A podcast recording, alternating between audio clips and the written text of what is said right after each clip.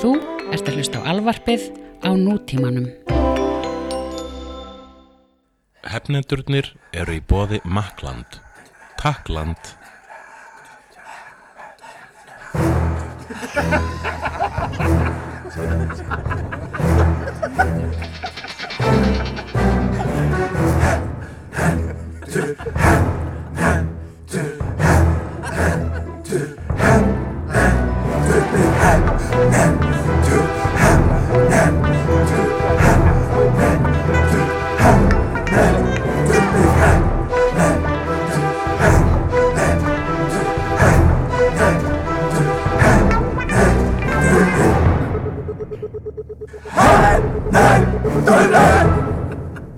Já, elsku mín, hérna, best að þess að kingja niður þessum espresso að það voru good to go. Ú,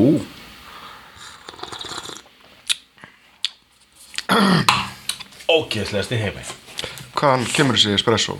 Það kemur frá bakaríður þarna niður á hverju skutt. Var þetta ekki góður espresso? Uh, Eru ekki búin að eiga þetta samtalaður?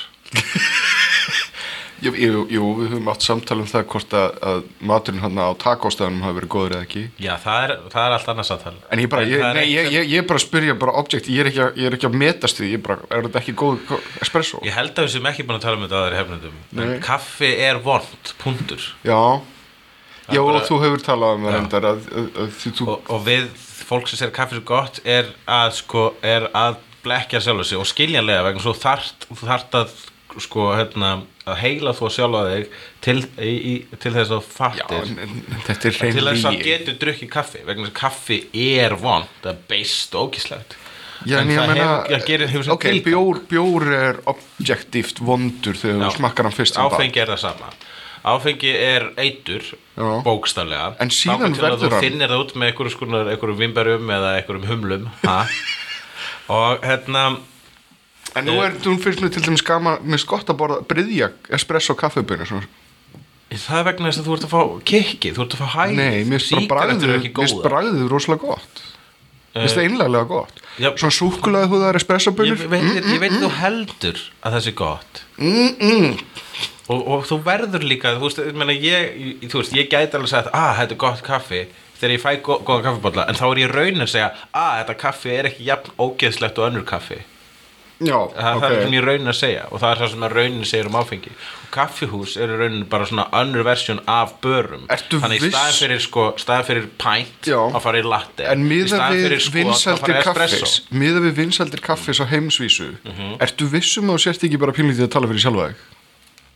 ég er bara að segja að heimurinn sé fíkil Já, ok, þannig Alveg að þetta er, svo- þetta er bara fíkt. Já, meni, hver, fyrsta skipti sem þú farið kaffi, finnst þér ógislegt svo venur þið á það sömleis áfengi, sömleis síkartu Ég er ekki alveg samlaði, sko, ég meina, ég meina, ég- ég er hrifin af... orðin fíkillin Ég var hrifin á kaffijógurt en kannski var þetta svona, þú veist, fekk ég svona eitthvað svona teaser drugs á undan vegna þess að ég höfst kaffijógurt. bræðast ekkert eins og kaffi Nei, ég veit það.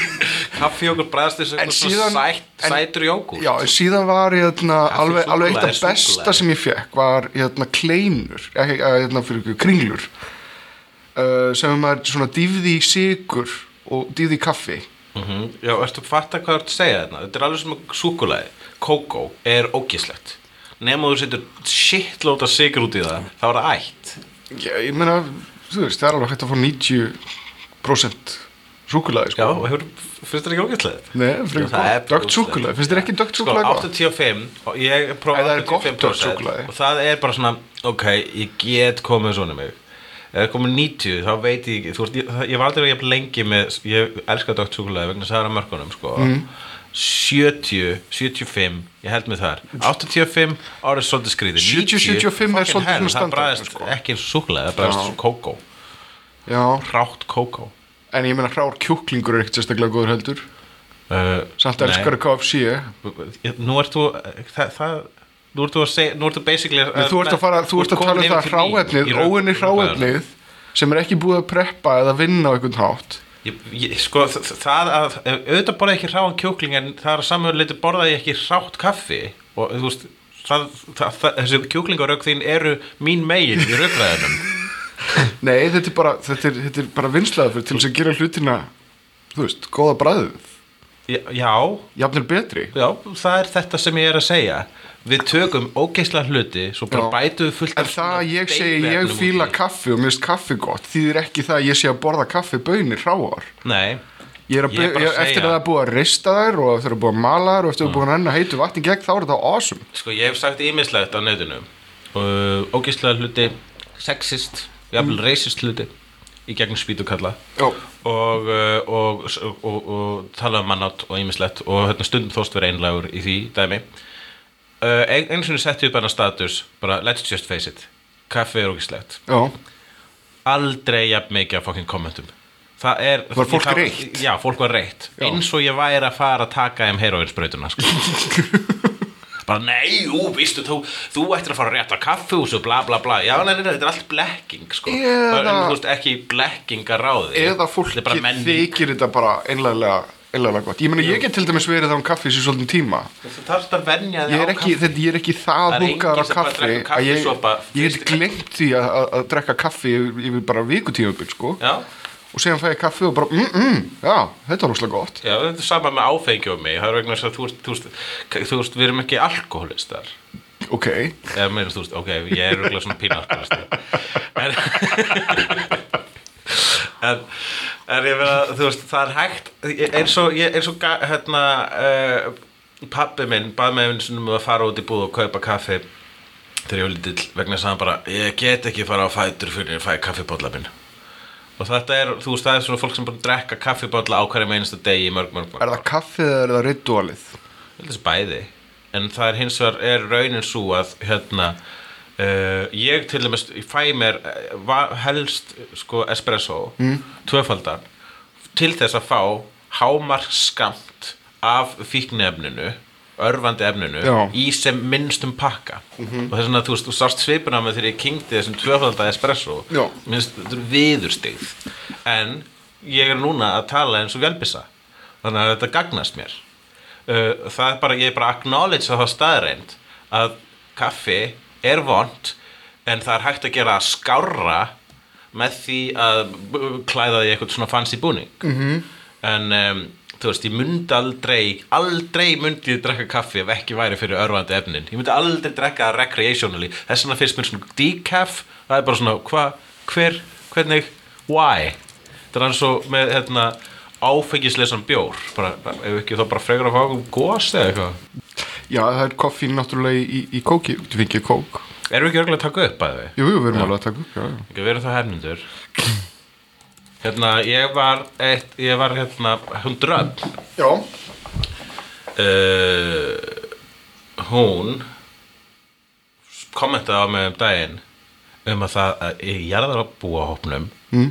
þá hefði fólk verið að segja ríðadrapa giftast hulkleikur Ævormann og Ragnetó já nákvæmlega, en ég þarna uh, en síðan vildi hún ekki segja hver? auðvitað ekki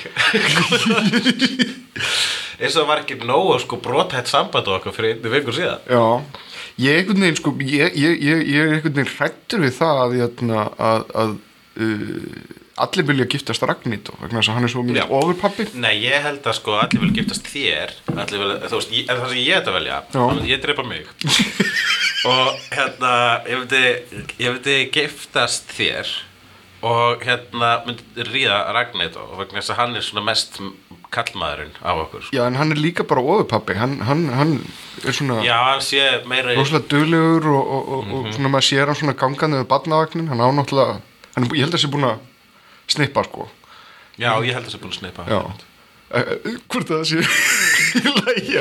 Nei, hann hefur sagt þetta á sviði Já, ok uh, hérna, uh, en allavega Já, ok, þannig að þú giftist á þannig að þú giftist Ragnætt og þá ertu sko þá býður þín barnleysið Heita börnin hans Ragnhild og ættu þau ekki að heita einhver svona hefninda útgáfa af Quicksilver og Scarlet Witch Já, við erum náttúrulega að tala um Ripley og, og Akiru Já Hann á mér og að ofurheiti Hrappur börn og minnst Hrappur eiginlega að vera svolítið svona íslenskt ofurhetjunátt Já, hann á alveg þrjú ofurheiti börn og hann er búinn að snippa svo hann hérna, kom ekki fleiri ofurheiti börn í Já. á Íslandi en þá þegar þú giftist honum og þá þurfti hann sko að skilja um ergorku og hérna en þá myndur kannski, fá- þá myndirðu kannski fá pakka þannig að kannski frekar viltur í honum ég skil það, en Já. hann er líka, svo- hann er þú veist bara þú veist það Já, er líka- hávaxinn, myndarlegur. Lumberjack já, lumberjack, lumbersexual En, þess, það- en ég, mér veist þú meira svona marriage material heldur en ég já, já ég veit ekki, ég, mér finnst mjög erfitt að meta sjálfa mig í þessum aðstæðum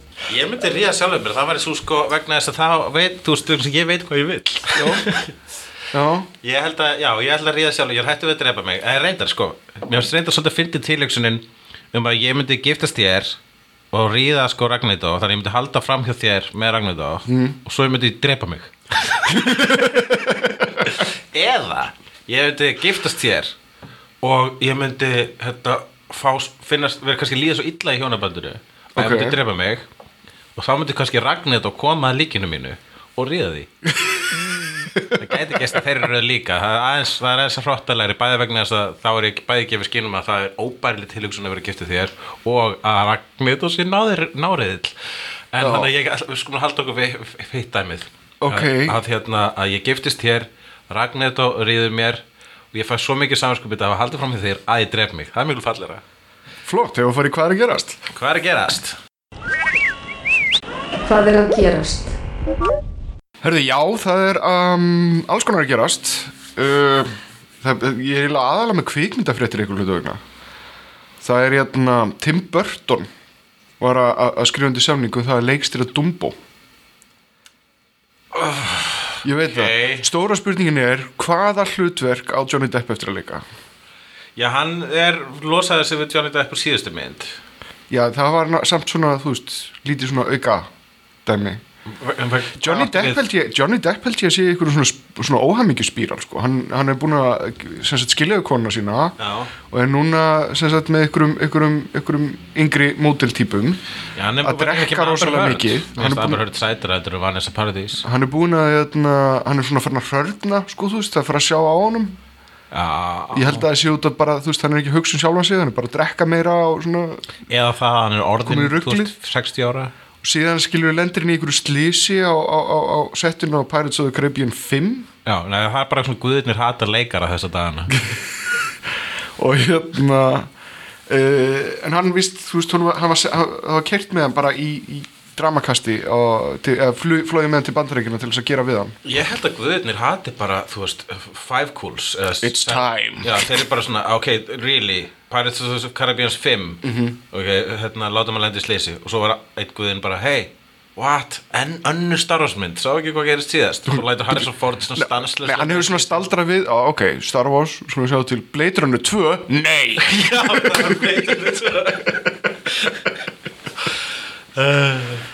Uh, en já, hann, já, það er einmitt spurningin sko, hvort að, þessi ég held að Burton hefði sleft uh, honum uh, Depp Já. í Big Eyes mm. vegna þess að hann hefur hugsað ok, þetta er orðið nokkuð augljóst að ég er að reyða mig á Bu- Depp allan tíma Ég- ég held líka að þannig að fólk- kannski er bara þeirra tímabil lokið alveg svo sko Scorsese og De Niro og- Já, það er bara, þið fattar bara, já, já, já, já þetta er byrjað að vera sama súpan alltaf sko. Já, já, sko, ég veit það ekki, ég, meina, það- ég held að fólk sé ekkert feimið við að segja bort, bortum frá því að, að, að ætti kannski að slaka hans á, en hann tekur svona cool-off myndir inn á milli, stundum bara scheduling konflikt. Já, en það var svolítið langt tímabili núna, það ekki Hvenær var síðasta depplösa myndin á undan Big Eyes? Uh,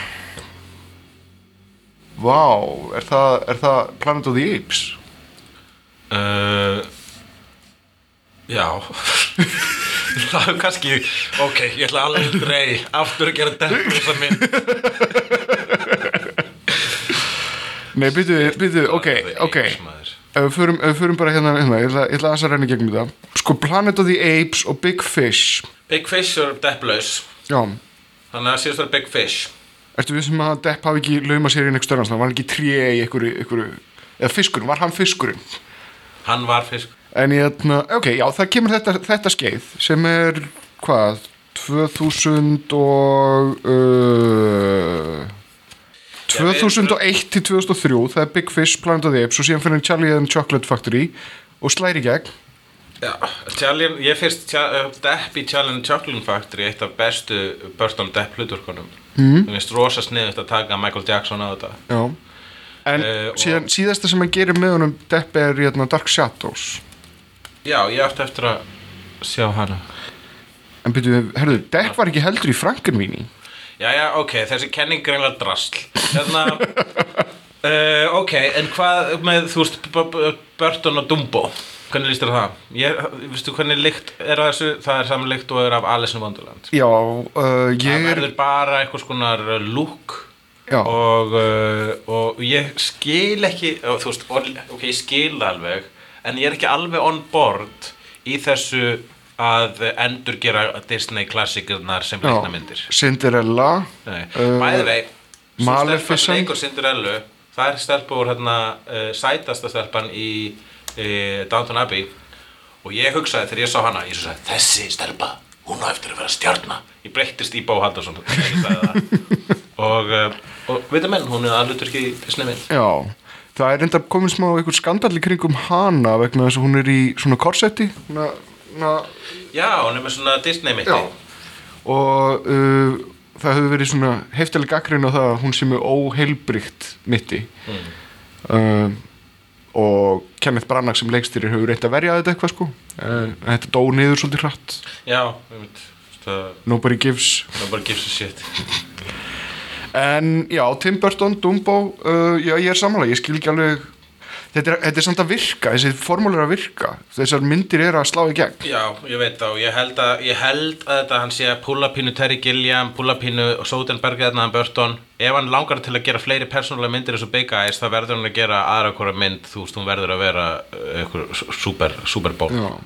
Big Eyes held ég að hafi ekki komist neitt sérstaklega hátt heldur á, á, á, á sem sagt, hún, hún seldist ekki vel Nei, en ég meina þess vegna gera hann Já. Disney mynd Ég hlakkar endar samt sjúklega mikið til að sjá hana sko, vegna þess að hún er skrifað á sömu gaurum og gerðu hérna, hann mína uppáhaldsmynd eftir hann, Ed Wood Já, En, fleiri fréttir mm uh, Súlandir 2 já, er á leiðinni, hún hefur verið að nánsuð Ben Stiller og Owen Wilson komin sem Derek og Hansel á einhverju tískusýningu já Ég sá uh, rétt glitta í þetta miðband Já. og sniðu gjörningur þar á ferð en uh, hér er samu áhyggjur og vanilega hvað var að síðbúðin framöld og ekki bara síðbúðin framöld, þetta er gamanmynda framöld Já. þess að gamanmyndir eru svolítið sko oft, velhæfna gamanmyndir eru oft sko uh, 50% bara rétt tímin og, uh, og einhvern veginn þú veist Surprise. já, svona bara fullkomis lís einhvern veginn og það er, við höfum kynst í þegar að framhöldin eru gerð að það kemur út þessi, þessi þvinguðu moment þar sem að handisöfundur og og leikstjórar hérna, finna þörfina til þess að endur taka brandarana úr fyrstu myndinni til þess að segja við áhörundur muniði, muniði hvað voru að finna síðast Já. og kemur þessi brandari aftur sem að var í rauninna eina slæma við uh, annars góða Ankormann 2 að þeir þurftu endilega að koma aftur með slægin þarna út á viðavangi og koma aftur með einhverja vísun í þetta og hitt og Já, þeir hefðu alveg mátt sleppa því sko vegna þess að það var fullt af góðum bröndurum í Aquaman 2 hún var bara, hún var bara svona aðeins of noisy Dumb and Dumber 2 Why? eða 2 hún hérna uh, það, trailerin henni er bara, lítur út fyrir að vera bara ok, þetta er bara svona reunion minn Ertu, ertu ekki búin að sjá hana sem sagt? Nei, ég er búin að ná í hana hins vegar, ég ætla að tjekka á henni Já. En hún, bara það sem að ég hef var sterklega á tilfinningu hvað þá var myndvarðar að hún er endursýning á gamlum bröndurum Basically eins og að fara á uh, Monty Python reunionuð og sjá þá segja gamlu sketsana sína Já, en sko Súlandur 2 náttúrulega kemur í kjölfarað á Walter Mitty sem var rosalega dýr og grætti rosalega ekki mikið með pening Já, og víst hræðilega léleg Já, ég- þú veist, við, ég bara hef ekki séð hana Nei, ekki heldur en hérna en já, mér fannst trailerin svolítið góður Já, akkurat, ég veist leðilegt að heyra hún sér lélega en það segja allir hún sér og orginallir með Danny Kaye er bara ógæslega góður sko. Já, en það er bara alltaf þessi mynd held ég Já. Er það ekki söngva mynd? svona, tæknilega Já, en ég meina hann náttúrulega er líka með sko ótrúlega góða hérna, gott uh, resume sem leikstjóri Reality Bites byrjar á því skömmurlega fyrir náttúrulega, þú veist, utan eitthvað sjómarpdæmi síðan gerir hann The Cable Guy sem er meistarverk sem þarf að grafa aftur upp þau Já. eru ekki að sína hann einhvern tímun í hefnindabíó hafa ekki allir séð hana? Ég held nefnilega ekki, ég held þetta sé eina af þessum myndum sem einhvern veginn varð undir Ég finnst, ég hef séð hana ókisla oft Já. Uh, Ég mér finnst þess allir að hafa séð hana Ég held nefnilega að Já, hún, var, hún, virk, Ég held hún, var, hún hún, svona sló í dettir í gegn, hún, hún Tremors sló í gegn í dálkinn, sko, sko. Evrópu Þannig að ég maður þegar ég fór á hann í bíó á fullu salur og allir hlæðandi Síðan er Súlander þar á milli er endar Heat Vision and Jack pilotin og síðan Tropic Thunder sem er, sem er stórfengleg Þe- ég- Þessar b- b- Cable Guy, Zoolander og Tropic Thunder þetta er allt solid gammamyndir mér finnst Zoolander sísta þeim og Mhm. mér hefur alltaf fundist uh, mér hefur aldrei fundist hún það frábær mér finnst hún skemmtileg en ég hlæ ekki droslega mikið upp á staðinni og hún er með sko sko þegar mótilin er þarna bensínstöðinni að sveifla bensíninu þarna í svona, svona, svona carwash það er montage eiginlega svona besta stíl. atriðið. það eitt og sér er ógæðslega og fyndið það atrið er sko líka sko, það er, einhvern veginn- er svo mikil sögn í því það er hægt að setja það saman við svo margt sem gerist í veruleikanum sko. Já. þetta er um fyrringu fræðarinnar og hérna, Global warming. forréttinda fyrringinu rauninni sko. Já. og þetta er forréttinda fyrringin í bara hnótskurn hérna, mótilin sem eru í svona vassbissinslag með bensíndælum vegna þess að sko þú veist, það, það er búin, að- búin að búa við svo mikið forrétti, forrétti allavegna að þau fatt ekki þegar þau eru að gera eitthvað hræðilegt og hættulegt sko. og þetta gerist oft einmitt, maður sér þetta stundum hérna eh, að celebrity eh, gera, eitthvað- ég ætla ekki að nefna neinöfn núna, mm. en að celebrity gera eitthvað hræðilegt og svo bara koma nei, ég, ge- ég sverða að ég gerði það ekki það er samt bara allt bendur til þess að þú gerði Mhm. Svona, það það er brennandi bensinstöð þarna. já, fættu ekki að gera það sko. en, jötna, en síðan er náttúrulega er David Duchovny sem handmótilið mm Mhm. -hmm. það er fullt af brálaðslega góðum hérna, what is this, a center for ants Já, já, akkurat ég jú, það er örgulega menn, þú veist, ég ætla, þetta er fyndið fyrsta mörgum Já. fyrsta fyndið, en mér finnst bara ekkert það fyndið, mér finnst Cable Guy miklu dýpri og flottari mynd og skemmtilegri og spenna, meira spennandi mynd Já. Tropic Thunder, mér finnst hún töluvert m- meira edgy, sko mér finnst, uh, hérna uh, Súlandir vera svona mest safe myndin þarna, en hún er skemmtileg en Já. hún er aðalega, það er bara svo mikið af svona, hún var samt, hún var samt ekki beint safe 2001 skilur við þegar hún kemur út Já, meðan besti brandar reyndar fyrir utan hérna þegar bensinstöða slægin það er þegar þeir hérna dulbúða sig með hérna fa- farðasettinu Já. og verða bara eitthvað svona e, e, annar er að verður uh, blökkumaður og hinn verður svona eitthvað feitur gaur eitthvað svo leis Já. Mhm. það fyndið allavega, já og líka þegar það voru að opna tölvuna það var líka fyndið og líka þegar að hérna, uh, John Voight segir you're dead to me, dead to me like your dead mother ok, þetta var gæðið mitt Tron 3 er líka að koma Já, það er pointless Þeir- framhaldið sem enginn baðum Jú, margir báð um það, það verð, en það er sko en þeir sem báð um það hugsa ekki út í það að, að sko, hér er sko það sem er ennþá óleiklegra en Já. að gera góða framhalds eh, gamanmynd er að gera góða framhalds so bad it's good mynd ég reyndar það, sko verður, það er ennþá þvingaðara vegna, þess að þú get, vegna þess að Troll 2 er slís Já. og þú getur ekki framkvæmt slís viljandi vegna þess að það er slís sagður Troll 2 Já, þú sagði Troll Tron Ó, Tron þetta er 3 skemmtilegasti miskilningur í heimi Tron 3 er, er, er sem sagt að koma Eh, Getur við sagt tala bara um Troll 3 það er ekki til en, en, það, átt, það var alltaf, þú veist, þegar hann hefur áhuga að gera Þessi Ítali? Ítalinn, sko Já. Já. Já. Ekki Troll 3, já, já ég, ég, ég, Sure, bring it on En þið þurfa að finna, sko, þið þurfa að fara að levela up Mjög mikið, vegna þess að sko levelið á milli Tron 1 Já. og Tron 2 það er svo rosalega mikið þróunastök ég sko þannig að þið þurfa að fara bara að alveg ekstra mæli í þriðumyndin og láta hann vera ennþá vera mindblowing útlitslega heldur en Tron 2 Mér Vegna þess að finnst- eina sem svo mynd hafði fyrir sér var útlitið Mér finnst nefnilega Tron Legacy vera einn fallegasti skrýnsefur í heimi Já. bara, ég, ég, ég hef engan áhuga á sögunni en bara láta hana rúlla bara einhvern veginn hún er, þetta er, hún er gullfalleg sko. Hún er eina af þeim mynd sem þú þarft actually ekki að hlusta á neitt sem er að gerast og Jú. getur bara haft henni gangi það er nefnilega það að það er svo klikka gott soundtrackið Já, ég, frá ég er að Daft tala um, Punk þú veist, ég er að tala um talið og þetta er reyndar það sem að gerist meðan Joseph Kosinski er hann er búin að vera rosalega duglegur við það að fá flotta elektrónikulistamenn til þess að svona mixa saman með, með symfóníum Er það leikstjóri? leikstjórinn já, hann ma- hann var með sem sagt Daft Punk á, hérna, á Tron Legacy og geggja soundtrack, mæli eindreiði með því bara þetta er, þetta er svona til sigurs soundtrack og síðan fyrir Oblivion sem hann gerði þarna með Tom Cruise sem er mjög svona la la en þar var hérna, M83 hérna, franski uh, elektróniku gaurinn hérna, hvað heitir hann, Gonzales eða eitthvað Já, hann var með, hann var með, hann var með soundtracki I fyrir það know klikka nothing. fýtt, klikka fýtt soundtrack Já, flott, það var gott, það var það fallegt Já. og, það, og svo myndi líka mjög falleg Já. hann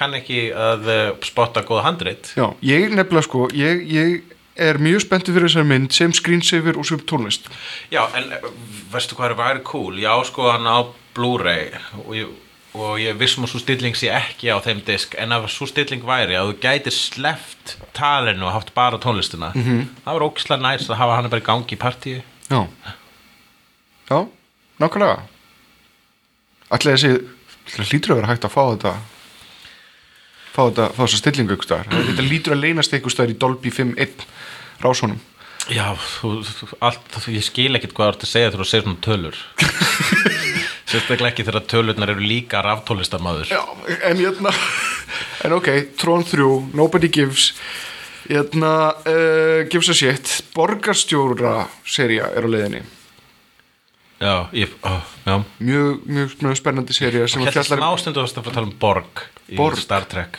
Nei, nei, því miður Ég En myndi að það Borg- væri Jón Maður hefði klíku líka serja verið Borg Það væri klíku serja Borgarstjóri. Borgarstjóri Og heimskulasti brandarinn þáttarinnar er Þáttarinnar, sagði ég núna Þáttarinnar, já Ég er byrjað að tapa allri minni málfræði Akkurju, M- Skrítið, síðan að ég byrja, við byrjum að gera þessi þætti já, Það hef ég verið verri að tala Þegar ég ætti að vera betra að tala er það Já, Er það, hvað Ég meina, ertu óörgari með það hvað þú segir eða Nei, ég er bara svona einhvern veginn, ég held ég sé að svona heimskast Ég reyndar er alltaf hrifin af því mér, mér er alveg sama með ambögur og, og svona, svona uh, vittlust mál Mér finnst, mér finnst að maður eiga að leika sér með málið Já, mér finnst það alltaf læg að að fokka hans í málunni Can't a brother mess with the queen's English eins og Já. Mhm. karakter úr myndasöðunni Ecstatic sagði en ég vil samt geta Sjö, heyrðu þetta?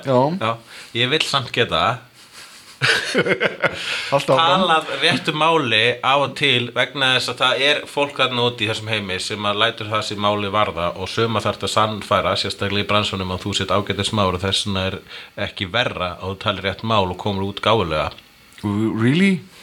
Þú Já. var alveg yfirbórsmennskið það Þetta er ekki yfirborðsmerka, it's called playing the game Pling the game Playing the game Segðu frá sem Pling borgarstjóra the game Borgarstjóra serja Það er að koma borgarstjóra serja sem að tekur fyrir svona innviði stjórnmálakultúrsins í bor- ráðhúsi og uh, það sé sett ég held að þetta sé stemt á næsta ára eitthvað slags og er hérna með Alec Baldwin í aðalhuturki á HBO Ó, ég held þú að tala um þetta hérna í Jón Gnardæmi Nei, Ó. nei en það, Ó. það er greinleitt að þú veist uh, eins og hann bergur orðaði það í fíla hefnafíl þættinum Já, það er tomatsósuflösku kenningin það sem hann talaði um það ja. Ah. að, að, að, þú veist, að Hollywood væri eins og verið með tomatsósuflösku að þeir voru hrist úr og reyna að ná bara svona eðlum strömi en síðan kemur allt út í einu sko Mhm. Mm. já Ég veit að kallast líka tíðarandinn en tómansósun er með flottari já,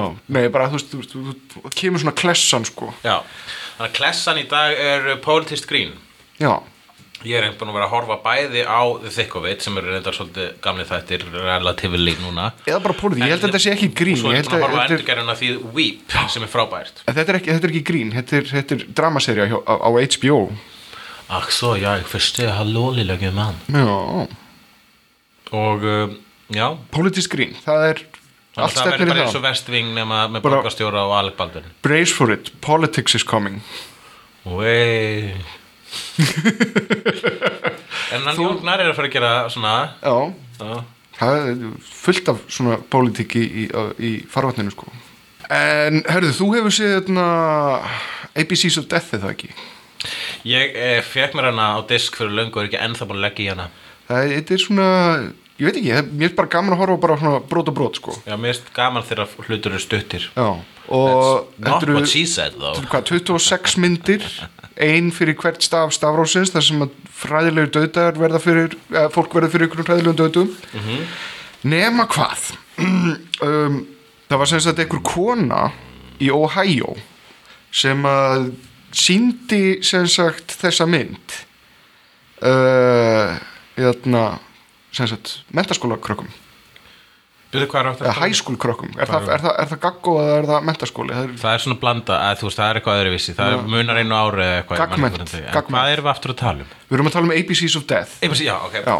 ABCs of Death myndin ABCs of Death Já. uh, sem sagt, það var einhver kona 58 ára gömul amma sem að jötna, síndi jötna, einhverjum krökkum Þetta í er skóla 15 ára krakkar Já, hún var, hún var, einhver, hún var einhver substitute teacher Mhm. og hún síndi þessa mynd og nú á að fangelsana fyrir það Já, hún á að vera í þ- eh, sem sagt, hún á að vera þri, hún dæmdi þryggjamána fangelsi með, og, og þryggja, þryggjara skilorð fyrir það að hafa sínt þessa mynd skólabönnum já.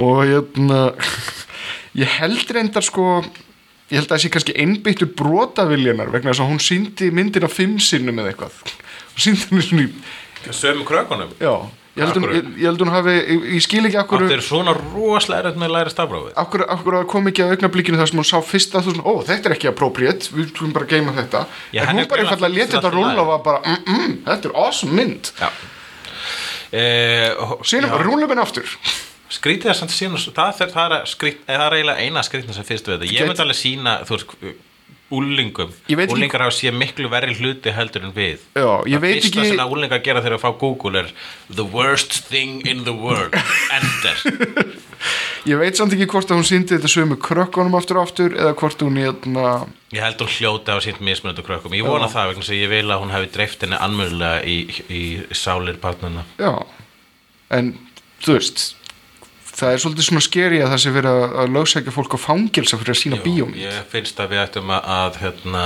að ef að það er ekki þegar svoleiðis síða á netinu en það þarf að sko, gera svona átak til að losa hann úr þessari fangilsus Já, ef fólk vil fylgjast Ég- með þessu ég- þá er ég- hashtagið free Sheila Free Sheila, hashtag free Sheila Ok. til, þess að, til þess að tjekka á þessu og Twitter og svona hún, þetta er frelsið þetta fyrir mér þessi kona Já En jötna mm, Já, þá erum við eiginlega bara konum með það sem er að gerast Þá langar mig til að fara í ákvæðart að glápa og ég fá Já Herðu, upptakarna komin á um, Hérna, ég var að glápa á uh, ég var að horfa á síðustu þáttur á Parks and Rec Já, Þetta búin að horfa á hana ég er bara búin að horfa á fyrstu Þetta er bara búin að horfa á fyrstu þátturinn á Parks and Rec Já.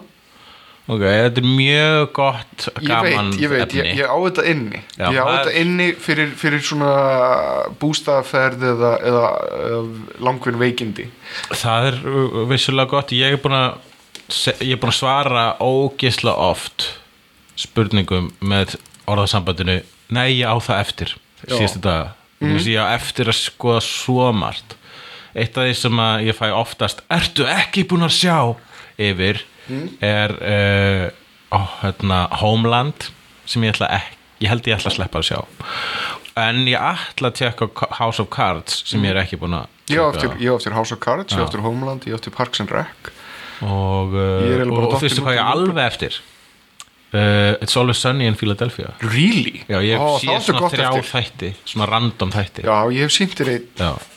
og ég veit Þú- þetta er gott Já. en ég gleyma alltaf þetta sér til Mhm, Þeir eru konir, þeir eru tíunda sísunar í gangi núna Mm. -hmm. og ég var akkurat að hlusta bara í gæra og nördist sem sagt spjall við þá mhm. mm.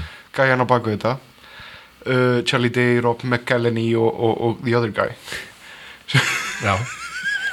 sem að jötna, hann, hvað heitir hann, Glenn eitthvað I wouldn't know en jötna, uh, þar voru þeir bara að tala um þetta sem sagt fyrirbæri og uh, sem sagt, þeir eru byrjað núna að framleiða aðra þætti og þau voru líka að tala um það hvernig Danny DeVito bjargaði seríunni já, ég hef heyrt aðeins af því það er mjög fallegt ógæsla gott, ógæsla gott stöf Lakka til að tjekka, því. málið var það sem ég gerist að ég náði mér, horfði mér þess að átt einhvern mann mér þess að fyrstu seríana á okkur flakkara horfði á fyrsta þáttinn og hann fór bara eitthvað öfugt onni mig Já. hann byrjaði eitthvað svona, að já, þetta er svona að, að reyna að vera augrandi þáttur já, og ég bara slökti Vegna þess að það bara byrjaði eitthvað svona það var eitthvað svona, svona racial humor hérna um að þeir okkur þeir langaði svo að eiga svartan vin eða eitthvað svo Já. ég, var, einhvern veginn- ég held ég hafa bara nýbúin að sjá þannig brandar annars staðar þannig ég bara svona slökti þetta, og þetta þannig er ég eiginlega basically slökti á því sem margir vilja menna sé besta gamanefni í sjóarpi þetta er eiginlega, þetta er eiginlega serían 5 sociopatar uh, Já. breið og leik However, Park and Rec, gaman að þú þetta eftir og það er alls ekki, það er mjög vel skrifað efni og frábæri karakterir en það er langt frá því að vera svartur húmor nema stundum bregður hann að leik og fer svona smá viðstriki og þá er það gaman um, það, hérna, það sem að gerðist við þess að þáttur var það að hún varði þetta væmnari og væmnari það sem gerðist við það að uh, handilshöfundarnir, og þetta er skiljalegt þeim hefur þótt vætna og vætna um karakterina -hmm. og mér finnst þess að síðust tvær þáttaraðir hafa snúist um það að karakterinir sé allir góðu hvort annað já, Um, og svo er hérna einn karakter sem heitir April Ludgate sem er leikina Aubrey Plaza sem er mitt celebrity crush já, um, hún er sko svona dark demon emo hatar allt kona mm. og allt sem hún segir það er svona ókjöld subversive og það er frábært í þessu bjarta umhverfi og rosalega fyndi og hún, svona, hún sko spila sig fyrir, að- til, fyrir að vera basically bara dóttir djöfulsins já, En síðan sko, hérna, á síðustu þátturum þá hefur sko næstu hvert einasti, hver einasti söguþráður, hvað hana varðar, hefur snúðst um það að hún sé góð innst inni, Já. hún gerir góð verk, hún er alltaf svona, ó, minnst, leiðið okkur svona góð, hann er alltaf góð og hún hefur dottið úr því að vera minn uppáhalskarakter í þessu þáttum, ég vera eiginlega minn minnst uppáhalskarakter.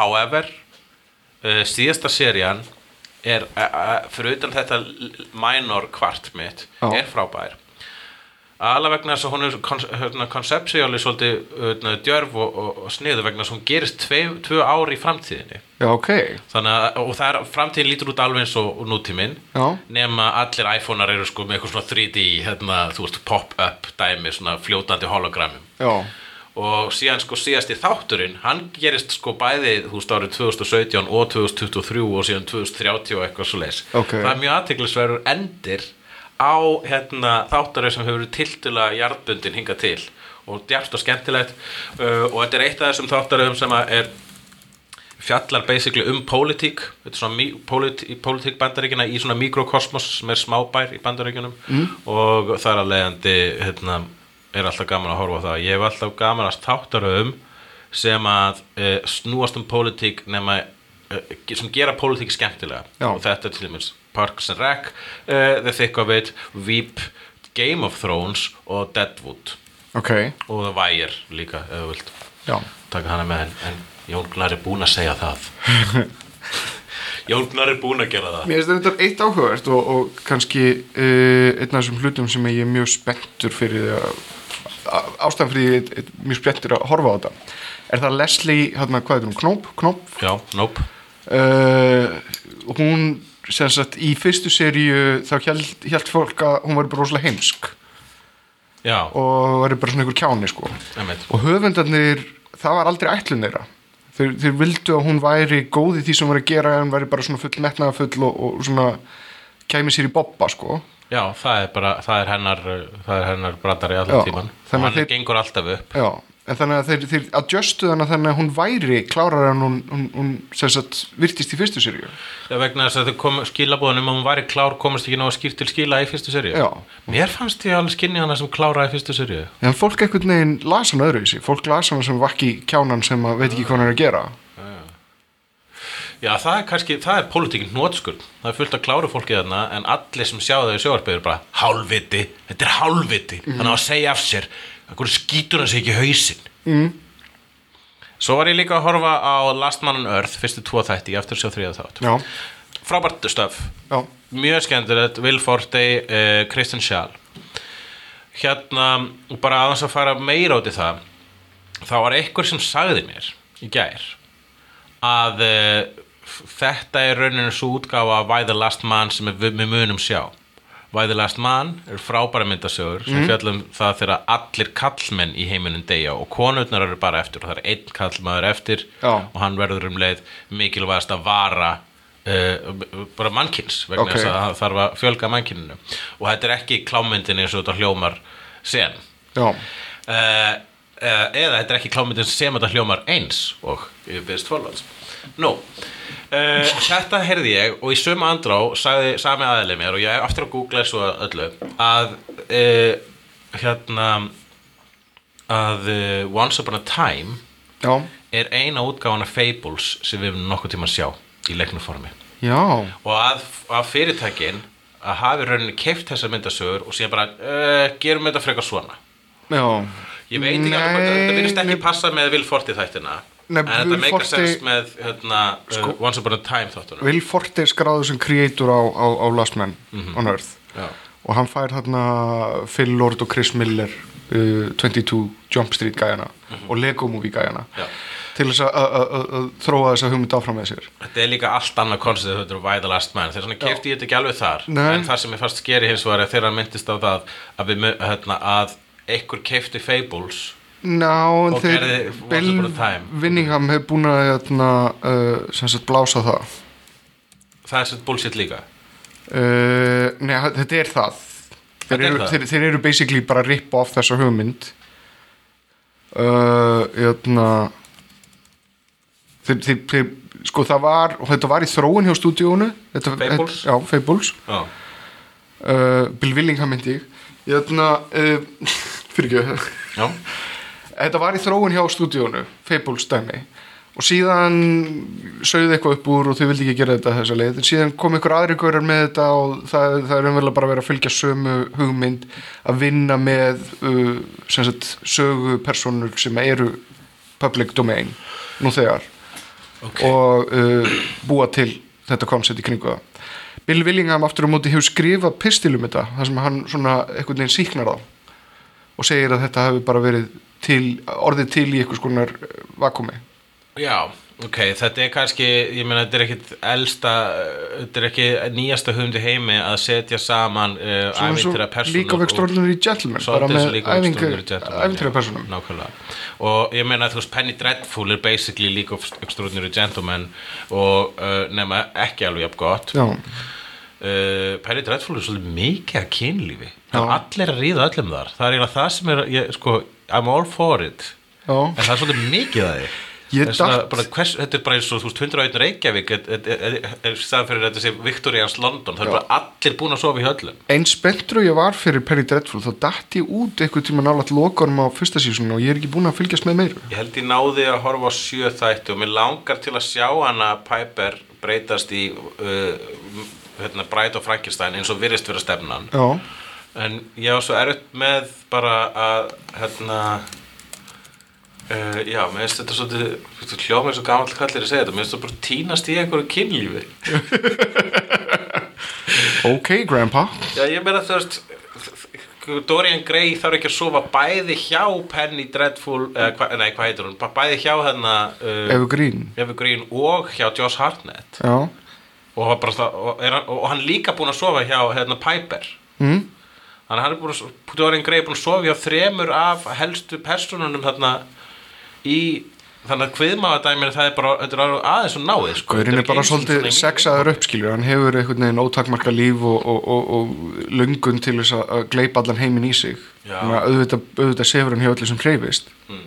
en er Josh Hartnett varúlur Uh, ég held sem var það. bitur að um Ég Indiana held varúlur það. eitthvað í bandaríkjunum Ég held það, já. Já, þetta er svolítið sér- svolítið líka, maður sér svolítið tvistin langar leiðir í þessu, sko. já. Anyways, Anyways, mér finnst bara gla- sorglegt að hugsa til þess að einhvern tímann hefði getið orðið Fables þáttaröð með uh, Fables gæðunum, já, þar sem að uh, uh, ekki bara er búa hérna, uh, ævintra personur í New York heldur líka blóta þær já. og, og, f- og fremja uh, ofbeldisverk og kyn, kynlíf. Ég En samt og það einhvern skilur veginn, verða eitthvað svona vassblönduðu drasli og sem ég hef reyndar ekki séð öðruvísi en í stillum sem er Once Upon a Time. mér finnst samt einhvern veginn eins og kannski bara Fable sé fínt eins og það er, bara hafa það í komikinu. Það er Ég, trú. ég held að það sé aldrei hægt að gera jafn svona stórfenglega sín og, og, og, og, og er sett fram í Fables. Já, þetta er eins og Myndasögunni. með rauninni Konstantín bara svona, að þeir hefur kannski bara átt að láta þetta vera allan tíman vegna þess að apparently getur enginn gert gott Konstantín og sama má segja um Punisher En ég hef heldur ekki, þú veist, Once Upon a Time hann, ég hef bara hortið okkur að staka þætti. Mér, já, ég einhvern veginn hef ekki dottið inn í þá stemningu, sko. Nei, ég meina þetta lítur ókislega boring út Uh, Já, Grimhildur Gráa er komin þarna og hún er bara, þetta er bara eins og einhver kona að cosplaya Grimhildur Gráa úr Disney Hún er- þeir sko þið uppdata karakterin ekkert heldur bara set, hafa það nákvæmlega eins og þeir eru í Disney Bara copy er paste. Disney að gera það þætti uh, er þetta ekki ABC? Jú, Já, en þau not, þú veist, það er alveg bara nánast svona copyright infringement í gangi vegna þess að þau voru með hérna önnu, uh, nei Elsu úr, uh, úr Frozen já, og þú bara, það var bara nákvæmlega sami búningur. var bara þessi jóngnar í sköpunum Þeir hafa náttúrulega aðgang að þessum, þessum, þessum hönnum Já, ABC er hluti af Disney Ok, samstæmri þannig að þetta er bara Disney rung Já, nema hvað þetta er ekki frá Disney en samt eiginlega Samt eiginlega Já, vegna þess að allt er samt eiginlega Disney Já, Svo var ég að horfa á Breakable Kimmy Smith Já. Nýju þættin hennar Tínu Fey með Ellie Kemper í aðhluturki sem hún leikur uh, stelpu sem að, uh, er búin að vera í fimm, síðustu 15 ár grafin í Byrgi uh, Dómstagsköld í Dómstagsköldi sem fjóra konur voru, sa- og voru platar til að halda að það væri heimsendir eitthvað. Eða rænt í tilfelli Kimi Já. og, uh, og svo eftir 15 ár þá losnar hún úr þessu fangelsi og flyst til New York og allt er fyndi vegna þess að hún hefur ex- basically ekki kynst heiminum síðustu 15 ár Já. þetta er frábæra þættir Ótrúlega frábærir, ég emitt bindjaði á, á Netflix á þessu Já. ég horfði Og- í tveimur andra Já, mér fæst þetta bara frábært dásulegt og ekkert mikið meira um það að segja Já, mælu með því uh, ég fór á kvikmyndina hátíðina Stockfish Já, og horfði á þrjár hryllingsmyndir ok eða svona hryllismyndir í viðasta skilninga orðsins á letneska mynd sem heitir Brísnit Argeibætsnubæ eða The Man eða maðurinn í appisnugula vestinu Ok, Hér, þetta er svona uh, sub-genraðið eða undirflokkur þessarar myndar mm. myndi er það sem kallast home invasion mynd ok Þetta er, uh, hér er verið að nota þann óta sem við höfum um að einhver ókunnugur brýst inn á heimilu okkar. Já. Það er uh, fátum meira skeri í okkar verndaða heimi. Ok. Hér segir frá uh, ríku manni og fallu trófívæfin hans uh, uh, sem að vera fyrir því að maður í svona vegavinnu vesti og bara með svona túlbelt, bara svona vegavinnu maður brýst inn á heimilu þeirra. Hann er í svona appisungul vesti Hm? Frumleg, frumleg, frumlegt skrimsli og, uh, og er ekki lengi að dreipa þau á hrottalega hátt og svo bara það sem hann gerir er það að hann hérna, byrjar bara svona, hann losar sig við líkin og svo tekur hann aðeins til svona á heimilinu þar sem hann tekur niður all, all merki um að þau hafi búið þarna, ljósmyndir af þeim og svo leis Já. svo bara flyst hann þarna inn og horfir á sjóarpi og borða all, drekkur all dýra vína þeirra og borða matið þeirra og, og svo leis Ok, eh, en á- áður en uh, langt um líður þá tegur hann eftir að það er einhver a- a- maður í appisungulu vesti sem er að svona er að steika á þetta annar, húsið. annar appelsin Já. Ok, hann lítur út fyrir að hann er að fara að vera fórnarlambið gegn örðu manni appisungulu vestunum og þetta er svona smá súrjál sáfræði arti trillir raunni í grunin slasher mm. en myndlíkingin er augljós það þetta er letnesk mynd þannig að Já. þetta fjallar um það þetta er basically eins og Animal Farm Mhm. mm -hmm. sá sem að tekur, sá sem að, hérna, tekur valdið á valdhafunum og tekur við valdinu hann verður breytast í valdhafan þannig að þetta er það byltingin sem að í þetta er börnin sín Já. og app- maðurinn í appisungur á vestinu ef, ef að þú ætlar að vera ver- verkamaður sem að fremur byltingu og drepur hérna yfirvaldið mm. þá mun- er ekki annar, annar kost og völ en að taka við yfirvaldinu þá verður þú valda, valdhafi og það sem mun gerast eða einhver mun fremja byltingu gegn þér já, og þetta er bara dásaleg hérna, pólitísk allegória ef maður sér hana þannig en líka er þetta bara mjög skemmtilegu slasher uh, svo horfði ég á A Girl Walks Alone at Night sem er írönsk mynd hún, heitir, já, ég sá trailerin fyrir hana, ég er mjög spenntu fyrir henni hún er pínubori Ok, en hún er rosalega falleg já, Það er vampíramynd sem gerist í einhverju bara svona smábæ sem er eh, borg sem er Wait for it, er stelpan vampýran? já já, hún er, hún er vampíran Já, og hérna en uh, það er bara fullt á ógeði í þessari borg og, og, og hér er s- stelpa sem er svona trendy eh, stelpa en er samt líka með svona hvað heitir það svona sem að uh, með östuleska konur eru með við hausinn hijab hijab, já, það er um að segja hijab og, kef, og, lí- og lúkkar rosalega vel Mm. hennar outfit er bara svona ég var, ég var til í að eiga svona hérna, svona kall af henni til að Ok- stilla upp, svona ok. action figure hún dreipur bæði saklust fólk og sagt fólk og þetta er uh, mjög uh, nett arti vampirumynd mjög ég held að það sé mjög, ég myndi segja að hún sé mjög inni með þessi mynd í dag, vegna þess að hún er ekki bara svarkvít og svona, arti og trendy, Hmm? mm. þetta er líka írönsk sem er alltaf cool Í- í- Írönsk Já. Ekki a- a- ironic, heldur, heldur frá Íran Vistu það, ég sagði tilkynnti sögugarðars að ég hefði farið á sem mynd líka, hún kom með nákvæmlega saman bara Really? Já,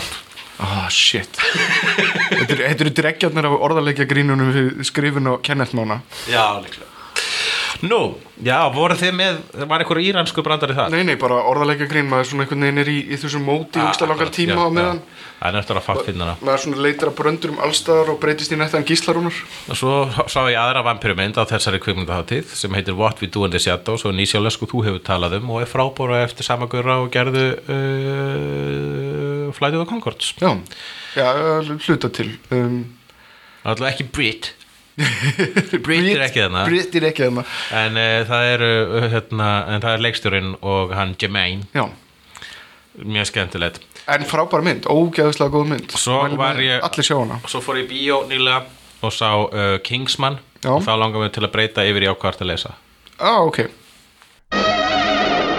Áforðuleysa Kingsman er uh, bíómynd sem að hérna, Sem þú varst að lesa sem að ég var að lesa Já. ég las hana f- f- sko, og hér er þetta Mark Millar skrifaði sem Já, sagt og- myndasöguna sem heitir ekki Kingsman heldur Kingsman The Secret Service heitir, ekki- ég held að heitir bara The Secret Service Ég- það, já, það stendur allavega Kings já, hún hefur heitið upprunlega bara The Secret Service Já, og Kingsman er svona einhvern veginn uh, Já, Já, þetta, það- þetta hét The Secret Service það og síðan, útskýrir allt vegna sem ég fannst þess og ég var bara var hann ekki, var Mark Millar að vinna með Dave Gibbons að einhverju öðru verkefni líka það Já. hefur verið sama verkefnið Það er þess að þetta hét upphæðlega The Secret Service Já. og síðan sem sagt velur Mark Millar auðvitað svona meira uník titil og, og, og er snjallari með, með markasetningu og uppsetningu já, Ég er einmitt búin að lesa The Secret Service líka en ég á aftur að sjá, þig- sjá Kingsman Kingsman bíómyndin er miklu betri og hér er það sem að þetta er annarskipti sem að gera þetta saman Ma Matthew Vaughn og Mark Millar Já. þess að uh,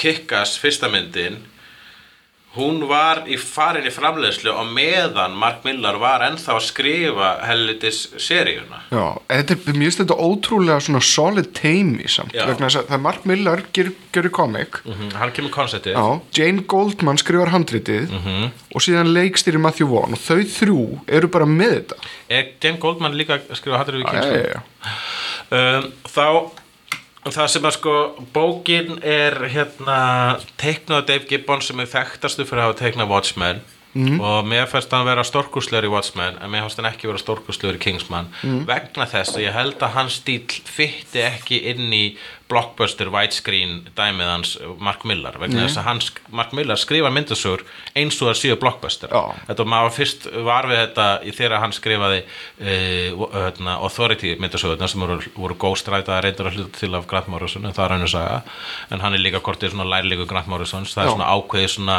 fuck you yfirvald, yfirbragð yfir öll, eiginlega öllum sögunum hans Mm. um, En uh, það sem að Kingsman, hún lítur eiginlega bara út fyrir, hún er fyrir mér, þar að segja myndasagan, er bara fyrsta draftið að kvikmyndinni Kingsman, Já. sem er mjög skemmtileg mynd. Ég- já ég, Ekki gallalás, eh, en, ég er en reyndar mjög skemmtileg. ég er reyndar að upplifa bara The Secret Service sem fyrsta draft, það er mikið af góðum hugmyndum að það, Mm. en það er ekki alveg svona executaður hérna og einmitt teiknistýlin mér finnst hann svolítið svona plain og kvestaslegur og ekki fanga ekki vera viðigandi Nei, hann er nefnilega ekki viðeigandi. Það sem að gera Watchmen úrslega frábæra er það að hafa plain og hverstaslegi uh, stíllinn var pointið. Já. Að hafa opaslega plain overhitjur. Ég reynda sko, ég las uh, The Secret Service eða rétt eftir ég er búin að lesa fyrstu þrjú issue of Jupiter's Legacy sem er eftir Mark Millar líka Mhm. Já. en er teiknuð af Frank Quitely Já. og náttúrulega Frank Quitely þann, þú veist, gorgeous, Ef- gorgeous, ef- ef- þú veist, gorgeous listamaður Rob Liefeld myndi skrifa sögu sem að Frank Kvitli teiknar þá myndi ég lesa hana aftur og aftur og aftur Mhm. Já, bara og- út af Frank Kvitli og uh, þannig að þú veist að Dave Gibbons bauð miklu lægri hlut. Ef að Judd Vinnick myndi te- skrifa sögu sem, Fra- sem, sem Frank Kvitli skrifar Já, en, jæna, en, en samanburðurinn Gibbons uh, Quitely var bara hræðilegur vegna þess að að- Já, já, ok, það er að fara og, og líka, sko, já, það er eins og ég segi, mér, þetta er, eh, þetta bara fyttar ekki, þetta er bara alveg staðrind að ef þú varst að skrifa fyrir ákveðna teiknara, mm. Mhm. þá þarfst að hafa í huga hvernig það kemur út já.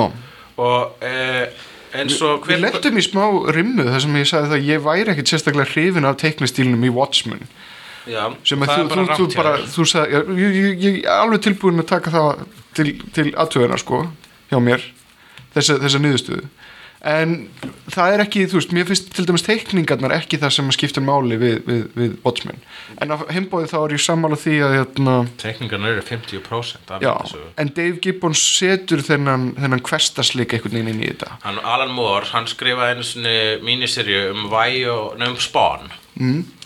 hann gerir líka míniserju um Væjólætir sem er vondakallir í Spawn sem er frábær myndasaga já, sérstaklega þegar að Bart Sears er að tekna svo breytist það reyndar í Greg Capullo og tekna síðasta kaplan og ég þóla ekki þegar það er gert í myndasögu að breytum teknar í miður kafi það er önnur saga, however uh, hérna þeir bara eru nógu á, á fínu teknar til þess að þessi saga var frábær uh, ég einu sinni gerði hann samt hérna einhverja myndasögu um Spawn sem heit Spawn Blood Feud og uh, þetta var Alan Moore saga og var öruglega frábær ég komst í gegnum svona tvær síður af fyrsta kaplanum vegna þess að teiknari var svo ömulegur já, þannig að sko teiknari ef að teiknari er ömulegur þá það skiptir öllu máli sagan, er ek, sagan stendst ekki bara ein þegar kemur myndasögum ok þannig að þegar hérna, þannig að það að þú hefur getað lesið Watchmen sem þú örgulega gert, gert oftar einu sinni mm. ég trúi ekki öðru en þér finnst stílinn vera flottur vegna þess að annars hefur ekki getað þraukað í gegnum þetta já, já, en þetta bara, fi- og líka, en málið er sko að hann grit, bæði grittið og frásögnin í Watchmen er þannig að hann er með uh, allavega sex, ra- nei, nýju ramma á síðu já ég, ég, sem að gera að allir rammar eru litlir En þarna dettur þetta inn í skilur þú veist hvað, hvernig stýrir hvernig leikstýrir Alan Moore uh, sínum myndasögum og ef þú skoðar handritin vegna þess að það fylgja það er hægt að kaupa sér satt svona slipcase útgáfu af, af, af jötna, til dæmis líka extraordinary gentleman þannig Já. að fylgja með handritin Mhm. Ég öfunda engan sem að þarf að teikna Alan Moore handrit vegna þess að hann skrifar heilu rítgerðina fyrir hvern einasta ramma hvern einasta ramma Já. og það eru bara massífa reitgerðir með bara smáatriðum og þú veist, ef þú fylgir því samvinskusamlega hann segir samt, sem sagt teiknaranum uppfront, þú velur það sem þú vilt fylgja og þú velur það sem þú finnst skipta máli í rammanum Já. Mhm. en hérna hefur allt allan til þess að móðu sko. mm á hinbóin þá, þú veist ég held til dæmis fyrir teiknarið svo Dave Gibbons þú sérð hvað þeir eru fátæki rammanir í Kingsman, annars Secret Service dæmi akkurat vegna þess að Mark Millar reyðir sig kannski meira á teiknar en að bæta ykkur inn í og fylla upp í Já, og markmiðlar reyðis líka á sko, ég held að markmiðlar þetta að vinna með yngri teiknurum, Já. vegna þess að markmiðlar er of eitthvað svona wow, hann er of, hann, hann vinnur svo mikið með awesomeness já, og meðan sko Dave Gibbons hann er svona hérna, bara svona þengjandi teiknari einhvern veginn sko hann er ekki sensationalisti Já. eins og sko eins og allar myndasögunar að smarkmillar eru bara super sensationaliskar hvað heitir teiknari sem til dæmis teiknaði bæði Genesis, nei Nemesis afsakið og uh, Superior uh, Steve McNiven já, Steve McNiven sem að teiknaði mína upp á hald Mark Miller sögu sem er Nemesis og Nemesis er langt frá því að vera hans besta saga nema ég hef bara lesið hann aftur og aftur vegna þess að hún er svo fucking evil Já. hún er svo vond, hún er svo siðlaus að ég get bara lesið hann aftur og aftur sko. það, Nemesis er myndasaga sem konstitið basically hvað ef að Batman væri vondur já, og maðurinn lítur líka út eins og hérna, anti-Batman, hann er næstuð bara í Batman búningi fyrir utan eirun, hann er ekki mennin eiru en er alveg hvítur mér finnst þetta reyndar áhugaður stíl sem er orðin, orðin svolítið svona algengur núna uh, sem sagt þetta er eiginlega svona kópering á stílnum að Steve Dillon í Preacher sem er orðin svona avatar stílin uh, Kvart við það, það er bara hvernig uh, personur eru teiknaðar, hvernig sem sagt, það, er, það er allir voðalega langir það er, svona, það er ákveðin svona teikni stíl sem að, sem að Steve Dillon hefur stablisað í Já, Preacher ég veit samt ekki hvort Sem það að mér mikið nefn finnst- sé eitthvað að ha- apa eftir Nei, ég er ekki að tala um apa eftir en það er, við erum að tala um það bara svona kemur ákveðin, svona, uh, ákveðin, ákveðin formfegur ákveðin, svona, ákveðin, vö, ákveðin val í því hvernig allt er teiknað og sett Já, fram. allavega, þú veist, manneskunar bæði hjá uh, Dillon og McNiven eru sko að þú þegar að til dæmis ykkur er að vera drullusokkur, þá sést það framan í honum að hann er að vera drullusokkur þannig að þeir konveja svolítið sko meinfísni manneskja Já. Mér finnst að það- mér finnst það eiga kannski það samægilegt en já En þetta, algjörlega. en þetta er einhvern veginn stíl sem einhvern veginn hefur verið í gegnum gangandi í Avatar Press, þeir teknaðar sem eru þar og þeir, þeir, þeir Uh, pundu það, það svo meina með Avatar vegna þess að eiginlega Avatar allir, Press. allir teiknararnir á Já. Avatar Press sökka Já, ég veit það en það er, hvern, hversu finnst þá líka en við það, finnst að bæði Dillon og McNiven eru frábæri Já, teiknar ég veit það, en þetta er, þeir, þeir eru að punta út sem sagt, hérna uh, Mér finnst- mjög hratt Mér finnst avatarteiknarnir vera allir sko svona bara svona léleg útgafa af uh, uh, 90s uh, hérna, image stílnum mm. Það eru gaurar sem að komast ekki inn í image voru meira svo of lélegir fyrir Rob Liefeld línuna já, Það finnst mér um teiknar meira svo best, besti teiknarinn Jason Burrows, hann er mjög lélegur teiknari svona meða við alla þessu bestu sérstaklega en hann er besti teiknarinn hjá Avatar Press mm -hmm. þess vegna teiknar hann allar mórsöðunar sem að Avatar Press gefur út Neonomicon og, og reyndar teiknar hann líka fyrstu köflunum af uh, hérna, Crossed já, og það er svona þólanlegt en ég vildi óska þess að Crossed myndi vera með betri teiknara ég var reyndar akkurat að lesa hérna, nýju Crossed-seríuna Crossed 100 Já, eftir Alan Moore, Já. hvað teiknar hana? hvað er að tekna hana það er einhver, einhver, einhver Gabriel uh, ég held Gabriel Andrade Og er þetta viðunandi?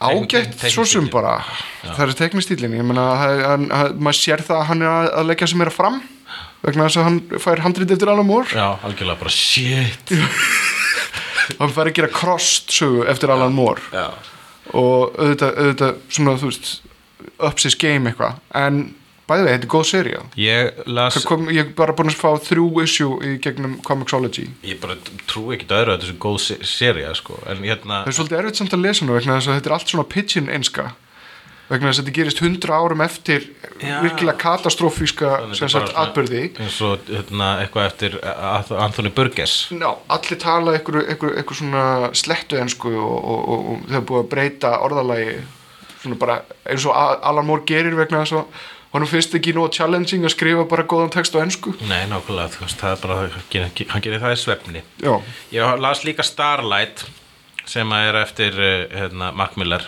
sem að, og Mark Miller stílinans, skrifstílinans eh, er óbórsla, það er alltaf óbórsla einsalt, einfalt konsept eins og hvað ef að Batman er vondur, -hmm. hvað ef að fatlaður drengur verður Superman Já. og, uh, og, og hérna hvað, uh, Starlight er hvað ef að Flash Gordon hefur ekki gert neitt í 50 ár og er búin að lifa bara Já, hvað, hvað- hvað Flash Gordon er ellilífristegi já, og segi frá því þegar að maður sem að einu sinni var svona Flash Gordon típa það er að segja svona einhver amerískur geimfari Mhm. sem að týnist einhver staðar í svarthóli og lendir í einhverjum ævintýra heimi þar sem að bjargar eh, einhverju keisaraveldi Já. frá vondum ein, einræðisherra uh kemur síðan tilbaka og segir, hörðu, ég var að bjarga þessu og þessu, þetta tegnar Júpiters og lalalala, aha, einmitt, flott já þér, ekki trúar honum þannig að hann er bara svona skrítni kallinn en á hérna, konu sem hann elskar og, og konu sem trúar sem trúur honum, já, Já. ekki börnin hans samt, Nei, bönnunars trónum ekki og svo deyr hún úr krabamenni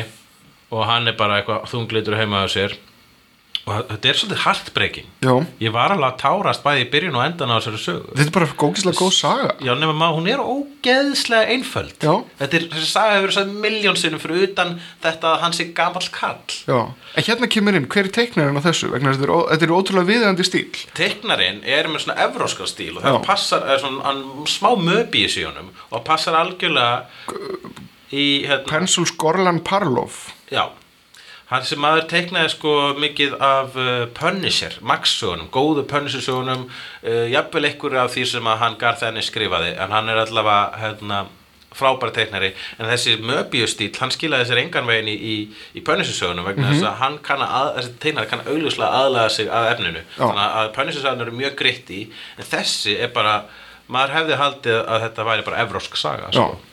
En hún er beautiful beautiful, frábær saga, og ég hlakka til að sjá eitthvað hérna, leikstjóra taka þetta fyrir og Simon, bæta ofan á ég er með, ég er með hérna, skemmtilegar frétti fyrir þig, Já. þú aðdáðandi X-Men Days of Future Past, nice. uh, hérna handreitshöfundur uh, þess Mhm, Simon sem að- Kingsberg já, var handurinn sem hundur á henni hann er að fara að adaptera þessa, þessa sögu fyrir, fyrir hérna, hvað, Fox Simon Kimberg ok, já já, svo leikir sem hann þú veist hérna, bara skrifur oftar en einu sinni handritið Já, og, hann- hann ætlar og að- lætur eitthvað fara yfir plotthólutnar sko málega það, hann ætlar að hann ætlar, ég er bara með það að hann ætlar að pródúsera það. ég veit ekki hvort að hann ætlar að leik, skrifa eða leikstýra en þetta er samt, þetta er alveg, þetta er alveg raki mál þetta er, þetta er það sem að, hérna, John Carter hefði átt að vera já, já algjörlega hérna, uh, já þetta er einmitt mjög mikið vísunum John Carter líka þetta Starlight dæmi það sem að er al, mínusin á fyrir mér hérna markmillarsögum er skortur og góðum hvernpersonum, þann dettur ósláft í strimpufaktorinn þannig að það er ein sterk hvernpersona Já. og, og, og hann leitist það næja það er eiginlega í flestum sögunum hans mm. og eh, ég- margir hafa kvarta yfir rauninu þessu ákveðna sko, þessu, það er ákveðin svona sociopathic and, andi yfir þessu sko Já. hann er hérna, það er eitthvað neginn sko ekki droslega mikið manngæska í sögunum hans þannig séð, nefnum ég, ég I beg to differ sko, ég held að eh, öll ílskan sem byrst í þessu sögunum hans gera það að verku og manngæskan verður sterkari ljósið í myrkrunu, blóðmiðu skýtnum og svo framvegis -hmm. um, en ég er samanlega því að hann mætti aðeins einbætti sem meira af hvern personum reyndi að skrifa hann heila sjálfstæða sögum Hit Girl ekki fyrir svo lengur síðan sem var ágætt Ég, ég myndi bara býða spenntur eftir Jupiter's Legacy ok, þannig að það er hún er uh, meira Bechdel Já, já, já ok Það er, ég, það er allara fleiri konur talaði samt um sterkar hvern Þetta er ekki, er ekki samt hérna, ég- Er með að mismuna Er, er ekki hérna manneskjan sem að kemur Er það strákur eða stelpa sem að sækir það er bara strákur og ég, veistu, veistu hvað ég hugsaði þegar ég skrifa, þegar ég var að lesa þessa bók Já. ég hugsaði, ef ég myndi gera kvikmynd eftir þessa bók, myndi ég Stelpa. breyta þessari personu í stelpu Já En síðan já, síðan kemur einn aksjóngella þarna inn í aðeins á setni stíð já, hún er, hún síðan er einn drottning. actiongella og ekkert annað. Og Síðan er drottningin drottningin. bara hottie. uh, En samt mann að halda einhvern veginn ríkinu saman Og, og, og, og hún er svona prinsess Lea Já, ekki einu sinni það vegna þess að það er bara ekkert Ö, ö, ö, það- þú veist, þar eru, þar eru svona, hún er eiginlega hálfpartin í bakgrunni, sko, Já. drottningin En hérna, þrátt fyrir þetta þá er Starlight frábær Frábær saga yeah. yeah. Ég ætla að vera með svo gott segvei núna yfir í málefni dagsins, talandi um sterkar kvenpersonur Ok, Málefni dagsins Málefni dagsins. Uh, Það var, þannig skal ég þér segja, núna, í dag erum við að taka upp þannig þátt, uh, 12. mars. Í fyrra dag átti Buffy the Vampire Slayer 18 ára ambali. já, Og veistu það, ég held að hún hefði, þú veist, þegar, þegar, einhver- þegar ég las 18 þá var það svona, fjú, vegna sem ég finnst þess að þáttur hafi verið til í 30 ár já og ekki vegna þess að, uh, vegna þess að tíminu svo lengi að liða vegna þess að hlutur svo leiðilegir heldur vegna þess að mér finnst þessu Buffy að hafa átt hugum minn allan svo lengi Já, uh, þegar maður sá Buffy fyrst þá var maður svona yes þáttur um sæta stelpa að drepa vampýrur og svo þegar maður byrja að horfa á það meira þá fattar maður og þessi þáttur er brilljant -hmm. Mhm. hann er fáranlega klár og ég hef ekki, þegar Buffy kom þá hafði maður ekki séð jafn góða þætti ever í sjóarpi Nei, nei. ég ætla bara að halda því fram og verja það Buffy Kjafti og náttúrulega sko uh, Joss Whedon stígur hérna fram á sjónasviðið Já. og hann þróar höfundaherbyggi sem að hefur síðan haft rosaleg svona markvöldun áhrif út af við Já. vegna þess að þetta er seria, Buffy the Vampire Slayer er seria sem að, að mikið af höfundum vísa í sem dæmum frábær skrif Já. bara stórkostli skrif og það er eiginlega svona kjarnin í Buffy sem sagt stemningunum, ég meina þetta er ekki sérstaklega frábæra tæknibrellur, Nei. þetta eru á- ok slagsmálaðatriði Mhm. en skrifin eru aðall Buffy Já. hversu vel þetta er teiknað upp með jafn kjánalegt konsept Já. þetta, er- í grunninn er þetta bara, þú veist, þetta er svolítið bjánalegt þetta er klappstýra versus uh, vampýrur Já. uh, og nær samt ótrúlega óheyrðum dýftum og, og, og, og, og fegurð Já, það sem að myndi segja að væri sko nummer eitt kosturinn er uh, personlutnar mm.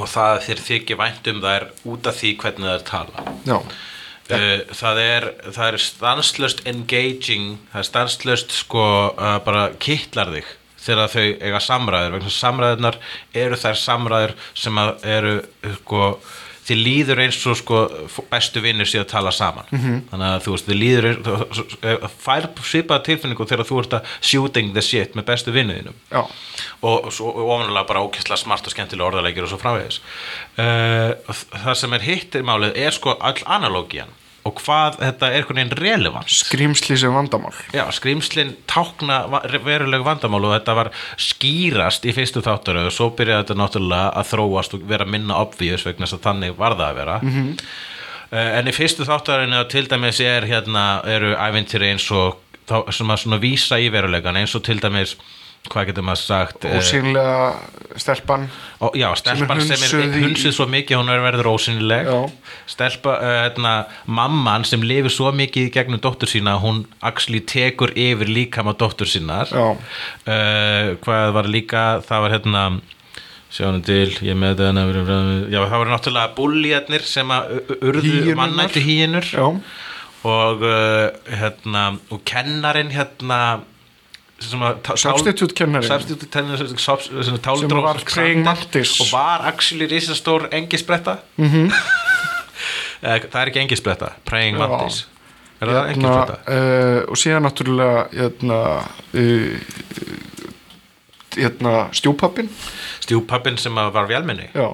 og líka hérna dímonin sem að hérna, var sko t- internet-troll Já. einhver hafði upplótað interneti og þá var bara eitthvað svona dímon sem var að leggja fólki eineldi af internetu mm Mhm. -hmm. og svo er held ég sterkast er síðan hérna uh, þátturinn þegar hún Buffy, ég held, það er í fyrstu þátturöðinni eða er það í annar Fyrst- þátturöð hvað? þegar hún missir meidóminn missi meitum, það er í annar það er annar þáttur þá er hún búin að vera skotin í sko hérna eh, Angelus. Mhm. Angelus eða Angel sem er vampýra en góð vampýra Já. þannig að hann er er ekki vond úrstimmill vampíra þegar hann er teenage Angelus. crush. sko, auð, stelpa verður hérna skotin í stráknum sem er vondur á yfirborðinu en er hann góð þið tekja hann ekki eins og ég já, og svo eru þeir deyta og hann bara oh, ég vil ekki oh. og hann sko hérna bara ég ætla ekki að sofa hjá þér strax vegna þess að þú veist, þú ert svo ung og ég, ég, ég er svo gamall og, og svo hún bara já en ég elska þig og, ég, og hún elskar hann ekstra meira vegna þess að hann er sko hérna, ekki að sofa hjá henni strax Já. og svo á hann afmæli verður 16 ára ef mann rétt og þá sefur hann hjá honum og þá gerist þetta raunin svo að Angelus eða Angel, hann breytist í Angelus Já. sem er gamla vonda versjónu eða honum það er að segja, einu sinni var Angel mjög vond vampýra sem drap allt en svo komu síkunar og settu á hann bölvun sem gá hann sál þannig að hann hefur þurft að að labba walking, hefur þurft að walk the earth með samverskubitið, ég hef drepið svo marga, ég hef gert ljóta hluti þannig að hann er rauninni, sem setna kemur í ljós í spin-offinu, Angel Tátunum hann er rauninni allegóra yfir alkoholisma Já. en hérna uh, en það skiptir ekki allir máli vegna þess að það sem gerist ef að Angel sefur hjá og þannig virka bölvunin þá verður hann aftur vondur þannig að Buffy sefur hjá Angel og hann verður asshole við hana það sem eftir er og þetta er brilljant vegna þess að þetta er svo svipað uh, sko raunverulegum klísjum um það að strákar verða hunsa stelpuna þegar þeir eru búin að fá að ríða já, nema þeir setja það inn í bara svona hryllismyndabúning og það verður briljant vegna þess að sko ég hataði fucking Angel mér finnst það leiðalasti karakter allra tíma svo allt í henni kemur þessi vít í hann að hann er drullusokkur líka hann, er, hann hérna, verður drullusokkur þegar hann er búinn að ríða mm. og er þá bara er þá drullusokkur þangað til einhver sigrar ég meina hann er reyndar, hann er reyndar íktasta form á drullusokk sem hægt er að hann er morðingi sko. hann er bara morðingi og ógeð sko já, já, já. satisti og hérna er bara, já, verst, versta vampýran -hmm. þá, þá allt í hennu var Angel að aðteklisvönum karakter og þá fannst mér hann eiga skilið að fá þetta spin-off sem hann fekk eftir þriðið þáttur á Buffy já, en ef við göngum í gegnum þetta þá var sko, hérna, fyrsta þátturinn var svona einhvers konar kynning á þessum heimi og þessi fyrsta þátturinn er síst en hún er mjög góð byrjun mm. önnur þátturinn kemur með aðeins meira darkness bæði hérna með uh, uh, að hún missir meitdómin og fattar það að kallmenn eru fíbl já, en líka þá kemur hérna nýji bad boyið inn sem er Spike Já. sem átti bara að vera í einum þætti Billy Idol töffari Bi- sem er Billy Idol vampýra Já.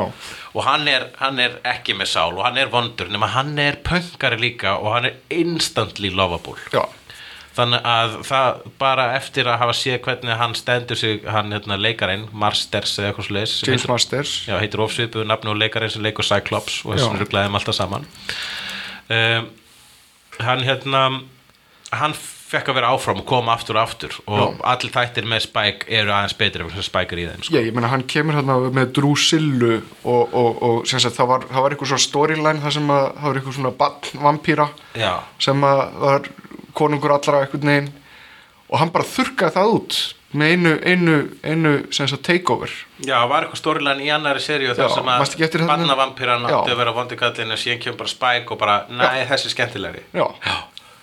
og þau eitthvað neginn drottna og, og, og, og, og ráða öllu í kjölfarið og eru líka bara alveg svona þau- þeir- it's good to be bad típur Já, akkurat og, og, einmitt, það, og, og, og það er svo mikilvægt sko. Ég ég hef sagt áður að hérna, vondikallar þeir verða annarkvort vera skemmtilegir eða svo hræðilegir að þú ha- hatar það genuinely -hmm. þess vegna eru bestu vondikallinni Spike og Joffrey í, í Game of Thrones og eða, eða bara, eða bara, eða bara, eða, eða bara cool eins og Darth Vader Já. Darth Vader er einfallega bara cool þá getur þú tekur þessu grímun og segir Let me look upon you with my own eyes Slúði Allavega, hérna Önnur þátturinn, þá kynni þetta inn og, og hérna líka gefur þeir mómenti þar sem að sko hún hérna Buffy þarf að, að drepa þann sem hún elskar mm. eða basically, þarf, að- eða myndlíkina er hún þarf að losa sig við assholið já, kemur ekki sem að særið hana hún kemur þarf að hætta að elska ekki ah, kemur ekki spæk í þriðja sísunni hann kemur í öðru sísunni en hann kemur eitthvað aðeins eftir í þriðja sísunni verður meira regular í fjórða sísunni og fyrta sísunni, mjög mikið í sjötta sísunni og svo fer hann yfir eftir lok sjönda sísón sem er síðasta Buffy versjónu þá fer hann yfir í Angel þættina já, já, þriða þáttur af Buffy, þá er borgarstjóri vandikallin mm Mhm. -hmm. uppáhalds, uppáhalds vondi kalli minn Já, hann er eiginlega eitt besti vandukallin Já. vegna þess að hann er sem sagt, svona hey kids og svona rosalega wholesome á yfirborðinu leave it en- to beaver típa Já, hann er svona akkurat, hann er bandaríkin, hann er hérna, hvað heitir hann sem bauði sig upp gegn, bauði sig fram gegn Obama síðast, þarna, hvað, þarna ken- mitt, mitt, Mitt Romney. Mitt Romney, Já. hann er svolítið svo Mitt Romney. já, ah, shucks Á, sjöks, heyr, og svo undir niður er bara, kill the gays. nei, nei, hann myndi aldrei segja það svona hann myndi Nei. bara kill the gates Yeah. ah, shucks Á, sjöks, já. og síðan er kill the einhver gays. myrt síðan er einhver, einhver svona hræðileg myrkraverk sem eru framinn Já, og hann er, sérst, hann er bara eh, í rauninni, þú veist, ekki dendilega uh, frumleg uh, hérna ádela á pólitík en bara ógislega skemmtilega ádela á pólitík en það sem að er reyndar kannski rauði þráðurinn í þessari þriðu þátturöð að það kemur önnur Buffy já, sem er Faith Já. sem að er hvað ef að Buffy væri aðeins meiri töffari töffari og svona sinnulausari um, um, um mannslíf og, og, og ætti ekki vini og er, er kjarnin Já, akkurat, og er ekkit svona og það sem að er vegna þess að hérna Buffy, Buffy fjallar, fjallar kannski að stærstum hluti mitt um gengið, Scooby-gengið Mhm. uh, sem að sem sagt, hvernig þeirra vinátta gerir hana mannlegri og setur hana meiri í tengslu við þann veruleika sem hún er í kringum sko. og það sem að skú, já, skúpigengið er það sem að gera þessa þætti Já. það er sem sagt, Buffy og vinar hennar og þá myndi ég segja að uh, stólparnir séu Willow, Xander og Giles Já, uh, Willow og Xander eru ég, ég, lúðarnir í ég, ég semt skólanum alltaf svona korti maður sko. já, Korti er æði, Korti er æði en Korti er sko utan við hópin einhvern veginn og hún Já. fyrir líka síðan yfir í Angel Hún kemur samt svolítið svona hardcore inn í hópin á Já. tímabili, alveg þar til að hún fær jötna, einhvern játflein í gegnum sig það sem að gera alla þessar personar vi- jafnvíga Já. er það að þetta eru personar sem þróast mm Mhm. -hmm. uh, Buff, uh, na- Willow og Sander eru hérna lúðar Já, og, og Buffy er sko þegar í fyrsta þættinu þá býðist henni að byrja að hanga með cool fallega fólkinu og það er með, sem sagt Cordy Cordelia, Chase og hérna Uh, en hún kýs frekar að hanga með Willow og Sander sem eru lúðar Já. og svo horf, sjáum við samt að þessa þrjá karaktera, Cordy, Willow og Sander þróast svakalega hratt og vel í gegnum þáttunana mm -hmm. Willow skrýður út á skilinni verður lesbía og norn já, Sander eh, Já. átt að segja á því að hann þarf að hætta að halda á kindli fyrir eh, Buffy, hann er Já. stanslega skotin í Buffy og Willow er skotin í Sander þá getur þú ykkur það að hún fílar kemst ekki úr, tippi kemst úr hérna næskæpatternu og kynnist Önju Já. sem, er- sem er líka, hún, ég, hún er alltaf mitt upp á aldrei endar Anja er æði það, það er eh, sem sagt, uh, nornin sem er hrætt við kanínur Já, hún er, já, ekki nord samt, hún er hérna hún er- Óskadímon, Já, hún er svona genie Já. og uh, sem missir, missir uh, völdin Já, og síðan Korti sem að einmitt, já, ég er eiginlega meira on, on the Korti train vegna þess að hún er vondastelpan hún er mean girl Já. sem verður hérna stærsta verður, bara- hún, hún kemur ljós og hún er með risahjarsta Mhm. -hmm. það kemur sérstaklega skýrt í, í Angel þáttaröðinu þegar hún flytur til Los Angeles til þess að vera leikona það gengur ekki þannig að hún fer- byrjar að berjast gegn eh, vondum dímonum og vampirum með Angel og er eiginlega svolítið hið sláandi hjarta í Angel seríunni algjörlega þá kom til Allan að að, framan að af. hún var skrifuð út en það komu fullt af öðrum karakterum sem tóku við hennar hlutverki Nákvæmlega Nú eh, fjórða þáttaröðin þá, og það sem að við föttum núna er það að, að hérna Buffy Mm. er ein stór myndlíking um að verða fullorðin Já. Angel, þættirnir, er myndlíking um að vera fullorðin já, Eh, þannig að þú veist þegar við fylgjumst með Buffy í gegnum high school og fer síðan í college Já. og fer í college í fjóruð þátturöð flyttur að heiman og svona já, og uh, fer í eh, Sunnydale College Sunnydale er þessi bærin sem þau búa í sem er byggður von á munni helvíti Kynnist- þess að það gerast slæmi hluti þar kynnist Riley sem er versta persóna í heiminum já, ég, ég það er bara mjög erfitt einhvern veginn að tala um Riley vegna þess að hann er svo leiðinlegur sko, og það er svo skrítin upplifun að þessi karakter sem er svona leiðinlegur og fái einhvern veginn svona mikla aðtegli Ég man þegar ég var að horfa á bæði Buffy og Angel á sama tíma og samt öllum feminista vinkunum minnum í feminista floknum Briett já, uh, hérna, þá vor, það var meira svo svona smá keppn á milli og hver voru meiri Buffy-nörd vegna þess að þeim fannst ég ekki vera eiga það í alveg jafn skil að vera Buffy-nörd ég vegna þess að ég er skil þig strákur já, og ég sagði uh, vampýrur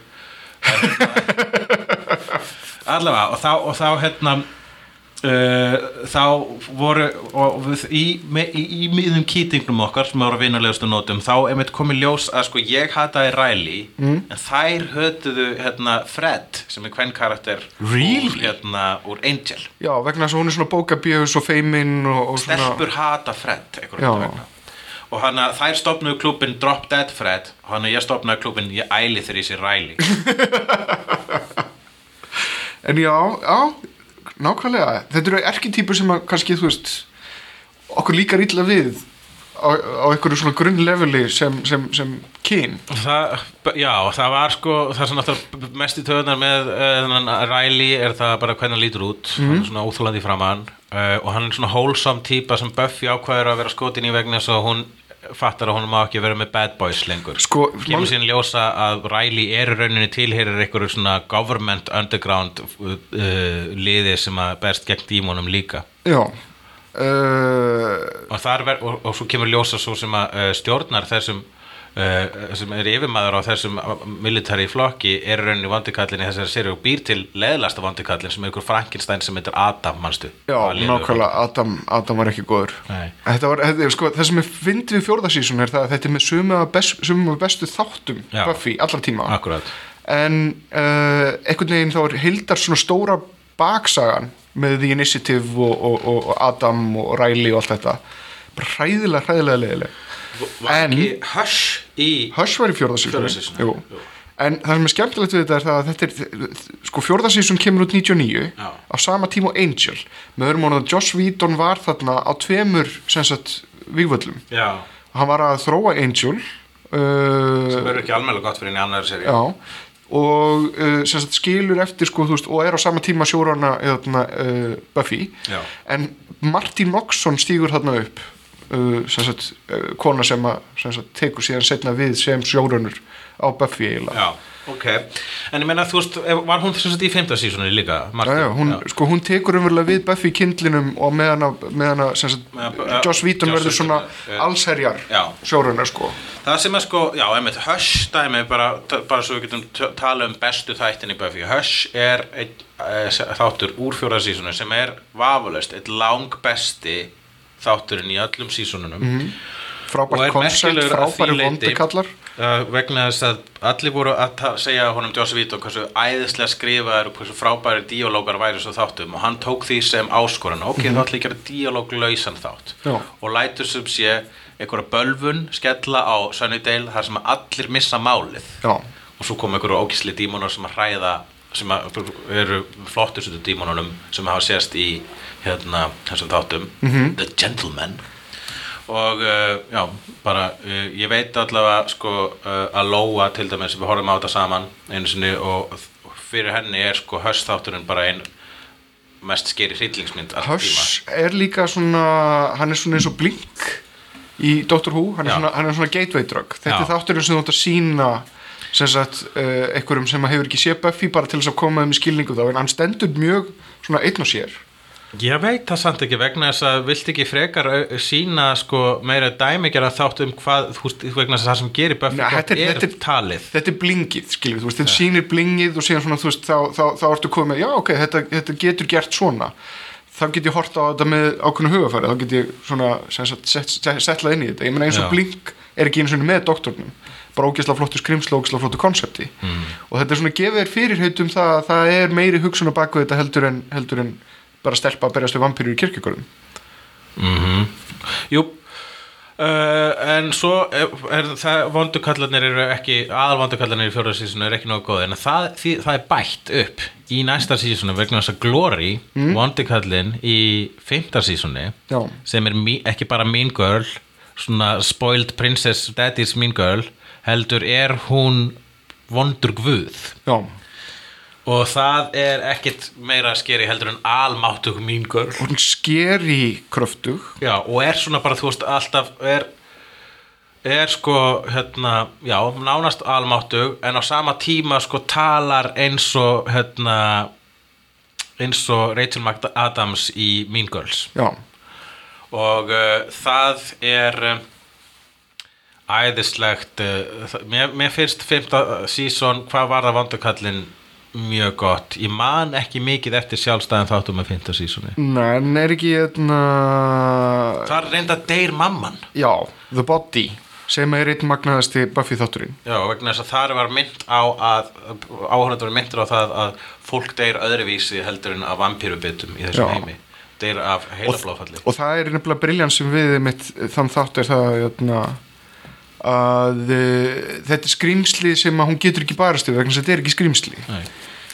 sem er, það er einhver, einhver svona glimrandi fögur eitt reyndar sem að við glemtum að nefna uh, Once More With Feeling Það er ekki fyrir henni sjötta það sísón er í sjötta sísunni, ok ég held að það var í fymta sísunni Já, það er í sjötta sísón Ok. uh, Og hérna margir Buffy-nördar vilja meina að segja eina góða við sjötta sísón vegna þess að ég hef reyfist í Buffy-nörda um gæði sjötta sísóns Já, við höfum alveg tekið, tekið jötna, smá reyfrildum þetta. Ég, ég príota persónulega hef valið að, að líta á sem svo að Buffy sé 5 sísón og ég þurfi ekki 7. og 7. sísón Wow, wow, wow, wow, wow en ég hef linast á þessari skoðun í setni tíð vegna þess að ég horfði aftur á 7. og 7. sísón frekar nýlvið uh, eða bara ég, ég tók náttúrulega alla Buffy í gegn Já.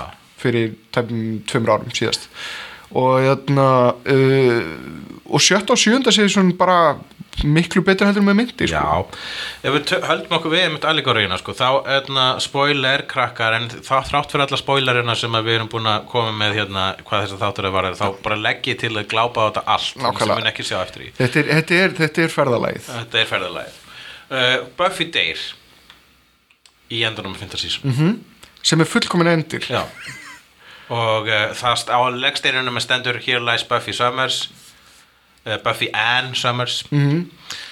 uh, She saved the world a lot Já, og sem hún gerir, hún er alltaf að bjarga heiminum en er samt bara all- þessi venjulega stelpa uh, og svo í sjötta sísoni þá er tónnin lagður, segjum að það tónnin settur fyrir hérna allt sísonið Já. það byrjar dark byrjar á því á Villó sem núna er orðin lesbísk norm uh, vekur hana til lífsins já, og það er eitthvað sem að Giles, gamli kennarinn þeirra er alfarið á móti vegna þess að þú vekur ekki fólk til lífsins Jú, ef hún- það deyr þá deyr það já ég meina í grunninn þá rænir hún Buffy úr faðmi himnana bara úr Já, þau himnaríki halda að hún sé í helviti Já. en rauninni var hún í himnaríki Já. þannig að þið tók hana úr bara Hrifsa hana verðlunum, úr móðurfinum, verðlunum sko. góðs dagsverk og þannig að sko þannig að Buffy er meira og minna þunglind Já. og í gegnum Og self-destructive. sjöttu seríu- já, self-destructive og fer þarna í mjög hérna, kynferðislegt samband við Spike mm -hmm. Slæm, slæm hugmynd slæmhugmynd Mjög og- slæm og þetta er mjög sexual og, og reyndar þe- þarna er sko Buffy hætt að vera áheldi, var það ekki ABC eitthvað álíka til að byrja með var uh, allavega þeir svo- CW þeir voru, þeir voru uppalega á CW held og ég fóru að vera á UFC já, sem að er þ- þ- stöð sem leifir sér meira já, en þeir voru samt ekki að sína mikið meira Nei, en þeir voru samt alveg með fucking rassan hnikkina hans Spike á meðan Já. að vera að ríða Buffy True. það var alveg bara svona kynlýsatri En á Bu- borð við það sem við sáum í The En Room Spike var enda bara eitthvað illa haldinn hann var orðin eitthvað svona gæludýr uh, í fjórðasísunni Já, Eh, Spike var með kuppinu í hausnum já. og það var búið að skemma Spike Já, Spike var ekki lengur hann var, orðinn- þeir búið, vegna þess að hann var svo vinsæll karakter þá í staðin fyrir að leifa hann að vera frábær þá bara einhvern veginn domesticate hana Já, Hann- þau hann gerðu hætt- hana aumingja. hann hættir að vera úlfurinn og hann verður einhvern veginn kjölduraki og hann verður ekkert minna aðtýrlisverður já, Mér, nei, mér fannst hans, mér fannst hans tímabil sem hérna kjöldurakkinn skemmtilega vegna þess að hann hataði það og var alltaf mótmálaði Já. og alltaf segja sod off, you fucking wankan en maður sagði ekki þetta verður fucking hann verður svolítið endurtekningarsamur hann að Það er ekki í þessu, þessu, þessum fasa sko Já. mér, mér varst reynda spennandi pælingi mitt það að hann væri þarna með Buffy bot svona, svona, þegar svona hann real var- doll, eitthvað svona kynlingsleikfang Já, það var líka mjög Awkward. vafasamt og skrítið dæmi þegar, hérna, þegar hann er að ríða vélmenninu sem lítur út alveg svo Buffy Já. En uh, það ég samt, ég samt, ég set alltaf spurningamerki við það til dæmis Angelus, hvað er hann, 300-400 ára gamall Mhm.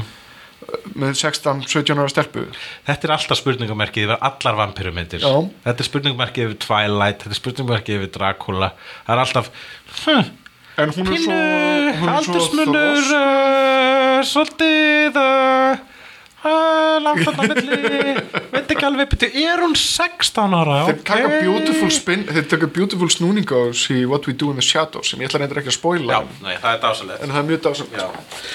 En hérna Svo ég hérna útskýri hvers vegna sjötta sísón er eitt af mínum uppáhaldsísónum Já. og það er kannski vegna þess að ég er mjög mikið fyrir subversiv uh, söguþræði Já. en það, það, að það er að þá fær sko, Buffy og félagar að kynnast uh, bara myrkustu hliðum lífsins Já.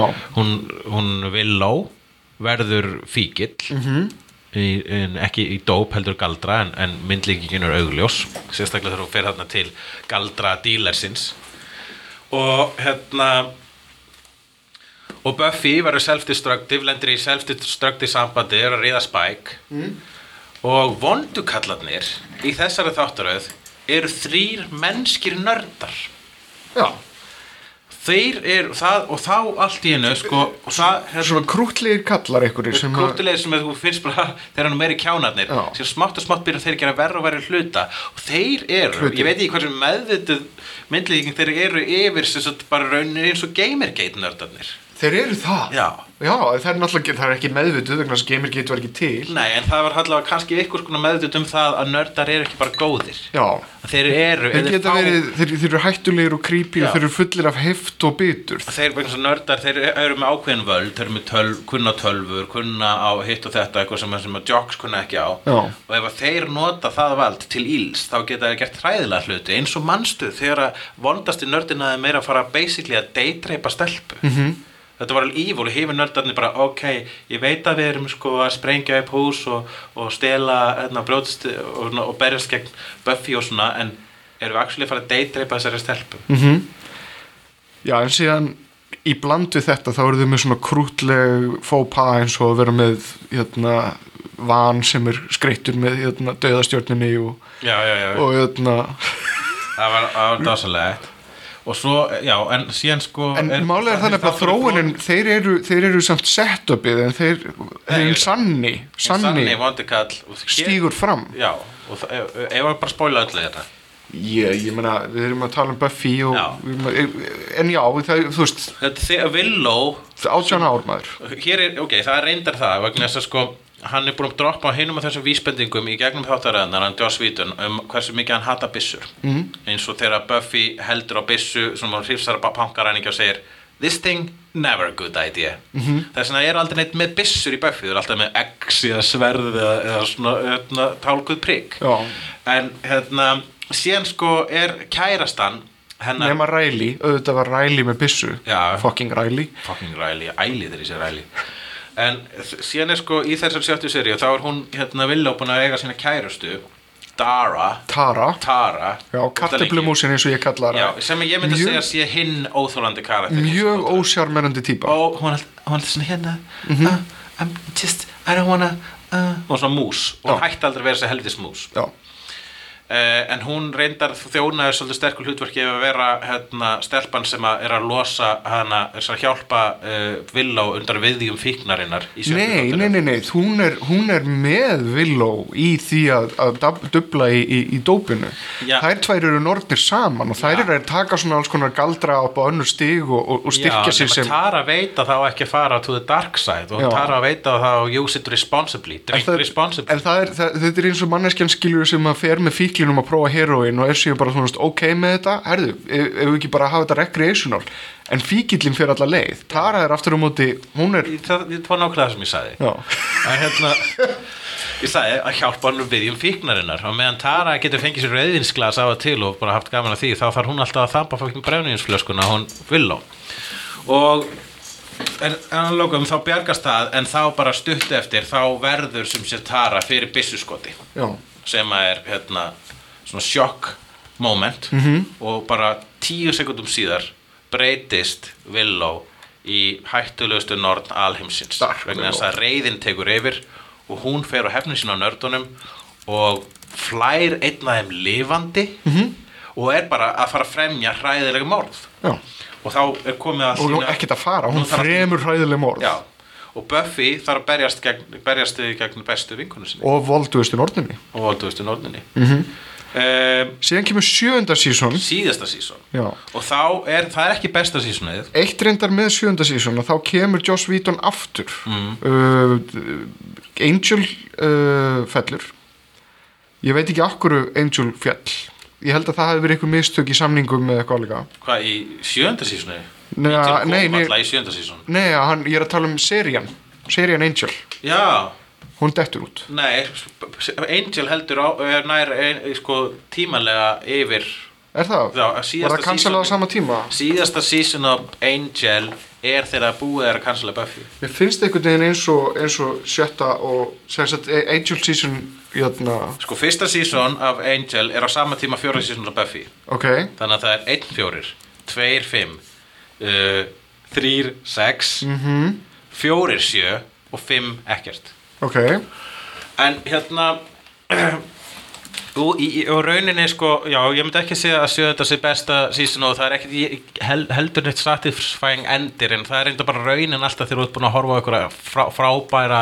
episka sögu þá er ekki hægt að gera endi sem fullnæðir almennilega ég man að ég uppleiði þetta þegar ég las hérna uh, Preacher, þegar Preacher endaði þá er ég bara svona, oh, ok, þetta var allir lægendir en ekki jafn góð og öll serían að það er vegna þess að en maður er bara sáttur við að hafa fengið að taka þátt í þessu ferralagi þannig leiði mig þegar Buffy endaði er ekki sáttur við endaloka önju, hefur segjum svo ver Nei. en það er hérna en, en rauninni þá er sko það sem máli er með uh, uh, sjöunda sísón er að þeir, þau komið þessu heim vegna þessi sjönda sísonu þá er Buffy orðin fullorðin mm. þá er hún að sjá um bara fjölskyldu hún var svona bara svona basically mamman mamma slegir vegna þess að það koma fullt af öðrum slegir komum fullt af öðrum slegjurum og, uh, og uh, hérna og heimurinn er orðið svo rosalega stablist að það er bara gaman að fylgjast með smáatörum til dæmis þessi skrýtnina díman sem er ofmikla húð sem Já. Mhm. það stundum að passa fyrir Buffy Þetta er samt sko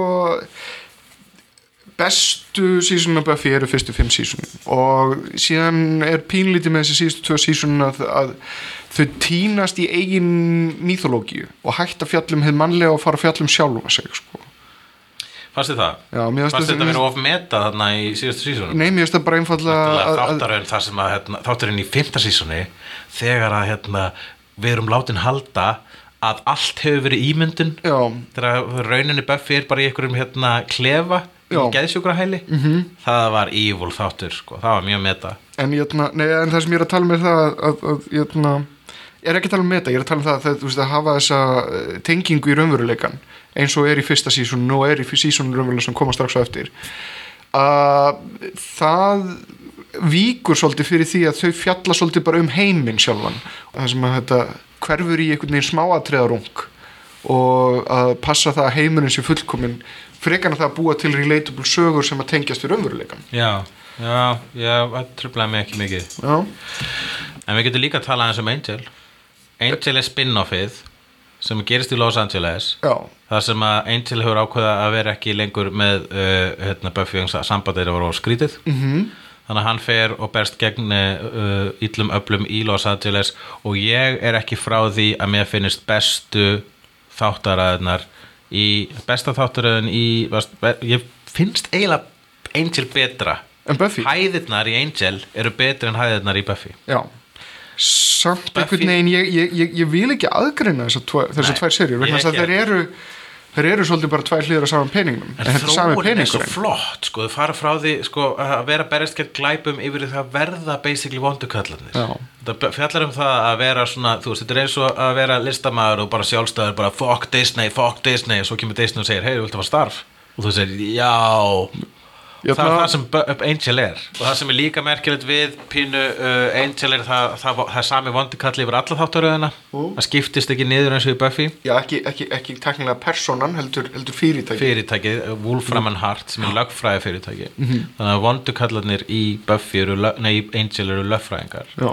sem að er soldið passar fullkomna inn í myndlíkinguna um að Angel snýst um það að vera fullorðin og líka um það sko að hann sé hérna, alkoholistinn þar að segja að hann vill ekki fara aftur í farið þar sem hann drepur fólk hann er að reyna að bæta hann er hverju einasta degi í að bæta upp fyrir glæpi sína uh, og hérna og alveg, heil, alveg hálf þáttaröð í Angel þá fáum við að sjá Angelus, Vonda og hann er stórkustlegur hann Davíð Borjanus Ég heldur endur að þarna í Angel sé eiginlega eitt af mínum uppáhaldsögnablikum í allri, allri seríunni og það er hérna, þegar þau fara í hvað, Pælína Pælíana, já, þau eru að fara í aðra vitt já, já. sem er hérna, heimili Lorne, sem er hérna, karaoke djöfull mhm. ég veist Spán. the, the Dance of Já, Shame Do the Dance of Joy sem, sem er einmitt leikið af, af, af Joss Whedon já, ok, hann það Joss Whedon sjálfur leik sem sagt þennan gaur sem að de- gerir The Dance of Joy já, það er ógesla ógesla fyndið moment um, og brúði þátturinn í 50 sér, já, Angel Mhm. Já, djöfull er hann ógeðslega góður ógeðslega góður en það er hérna, en sko það, þessi þáttur sem að við verðum eiginlega að tala um er hérna það sem að Bu- BuzzFeed segir annar besti Buffy þáttur ever Mhm. er Once More With Feeling sem að er í hataðasta sísóninu nummer 6 Já. Mhm. sem er söngleikja þátturinn þá kemur ennin bölvunin yfir uh, Sunnydale þar sem allir byrja að syngja Já. allir hæðast henni eins og ég séu söngleik Já, og, og, og, þarna taka tappdans spór þar til þeir brenna upp Já, akkurat og þarna sést sko hitt passjónið hans uh, Joss Vítor sem eru söngleikir sem við fáum síðan aftur að sjá blessunulega í litla projektuna hans Dr. Horrible Sing Along blog Þetta er- sem er frábær söngleikur líka Hush, uh, sem sagt þetta er eiginlega speil þáttur Hush Já. vegna þess að þarna er hann bara með söng og dans og, og allir tjá sig í söng He got the mustard out er, er, er líka He glæsileg lína got the mustard out um, annar, já, Hushin frábæra þáttur með, hérna, þeir segja að um, þeir segja að þriði besti þátturinn sé The Body hérna, þegar mamman deyr Mhm. mm. segja að besti þátturinn á BuzzFeed segja þau að sé Becoming sem að er, er tveggja parta þáttur Minn uppáhalds þáttur var hérna alltaf, ef við að taka Best of West Best of West Buffy Þættir? Mm. Ok, Best og vest. Sko, það er mikið að velja úr Ég held að við hefum meira sér að tala um Best of West Buffy ykkur tíman mm. En hérna, Nei, bestu veist bestu vondukalla gerum við þá sáum við að besti væri bæjarstjórun og vesti væri Adam já En besti þátturinn, allan minn uppáhalds Af mörgum, mörgum þáttum uh, Er einhvern veginn Ég dett alltaf í The Seppo Já, sem að er sagan af Sander Já, að og reyna- meðan við fáum að sjá sko, við þurfum, slepp, missum að einhver major bardaga Já. sem við sjáum bara í bakgruninu þar sem allir Buffy og allir vinnir hennar eru að berjast gegnum einhvern superdímon Gagslösu gaurinn, hún, hún hún er með hlýft við því að taka þátt í þessu vegna þess að það er óttast um hann Já. En hann upplýði gaglýsið Og á meðan lendir hann í einhver svona hlýðasvið í bakgrunni Já, sefur hjá Faith og eitthvað Já, Það var flottu þáttur já. Mér finnst líka flottur þáttur hérna, Superstar þegar hérna, nördin þarna, Jonathan verður allt í hennu aðhlutverkið Já, og það- þátturum byrjar á mér þess að upphafstefið er það þannig að hann er svo hans í aðhlutverkið uh, En Band Candy sítt var í þriði þátturauð Já. þegar það er hérna, allir krakkarnir í skólanum láttu sel, selja nammi til að styrkja einhverja, þú veist, Og vettvangsferðir fullorðni verða, verða krakkar aftur og allir fullorðin sem borða namið verða krakkar Já. þá fáum við að sjá hérna, Giles vera svona hérna, svona, svona hérna, clash hann er svona, svona clash pengari mm -hmm. Mhm. og alltaf svona að reykja sígarettu og, og hérna, tala eins og bresku pengari og meðan mamma hennar Buffy verður ástfangin Já. af hérna honum Joy Summers í sleik við hérna. og það fer alveg með Buffy Giles. og svo verður callback á þeim brandara í þættinum þegar að sko Buffy getur lesið hugsanir Já. sem er mjög flottur þáttur sem var ekki síndur Var- í sjóarpi vegna þess að það var school shooting í honum var Amy ekki hérna, nornin í bandkandi henni henn var breytt í rottu eða eitthvað Uh, ég man ekki hvort Amy var breytt í róttu þar en vondi kallin í bandkandi var hérna Nei, nei, nei, ekki það var annað, honum, hérna, það var- það var- það var og annað Giles dæmi, já. en það sem kemur sér að vera callback á því að þau fóru í sleik og eitthvað eh, Joyce og, og Giles uh, en síðan þegar það setna í sama sísoni þegar hún getur lesið hugsanum um Buffy þá er sko mamman er alltaf að forðast hana vegna svo vill ekki vera í sama herbyggju dóttir sín og vill ekki að Buffy getur lesið hugsanum sínar vegna þess að um leið og, og hún nær rétt smá glimpsi af hugsunum móður sínar þá sér hún að mamman er svaf hjá Giles You slept with Giles Það var fyndið uh, Ég segi að Hush sé besti þátturinn en mér finnst hann ekki vera dæmigerðasti þátturinn Reyndar Mm. Something Blue úr fjórðarsísoni Já. Þegar að hérna Willow verður ó- ó- hérna, ó- ó- uh, kastar óvart svona galdri þar sem hann lætur sko allt vera satt Já. það er að segja hérna, hún segir uh, við Sander eitthvað svona uh, you're, you're just a demon magnet og þá Mhm. allt í hennu bara byrja allir dímonar í bænum að elta Sander Já, já, já, og svo já. segir hún bara svona if, if Buffy and uh, if Buffy and Spike are, og segir eitthvað why don't they marry each other þannig að á einu momentu eru að rífast svo á næsta momentu eru að fara að giftast -hmm. og eru trúlófið og síðan segir hann eitthvað you don't see anything with Giles og Giles verður blindur Já. þetta er svona mjög skemmtilegt svona comedy of errors í Já. sá þáttur sömulegist líka þáttur úr sjötta sísunum sem ég held, ég- held ég heiti Tabula Rasa þar sem að allir missa minnið og reyna að komast að í hverju þau voru svoleiðist þáttur var reyndra endurtekin líka í Angel einhver tíman já, ég meina þeir sko þeir nota ákveðin minni úr einmitt svona, svona te, þessari tegunda þáttum Twilight Zone og, og, og fleira Já. uh, og skrýmsla þáttum en bara gera þetta, snú, snúa þessu alltaf upp í, upp í sína eigin útgáfaði og setja Akkurat. sitt spinn á það. Það var eitt mjög cool þáttur reyndar eh, í fimmta sísunni sem heitir hérna, Fool for Love mm.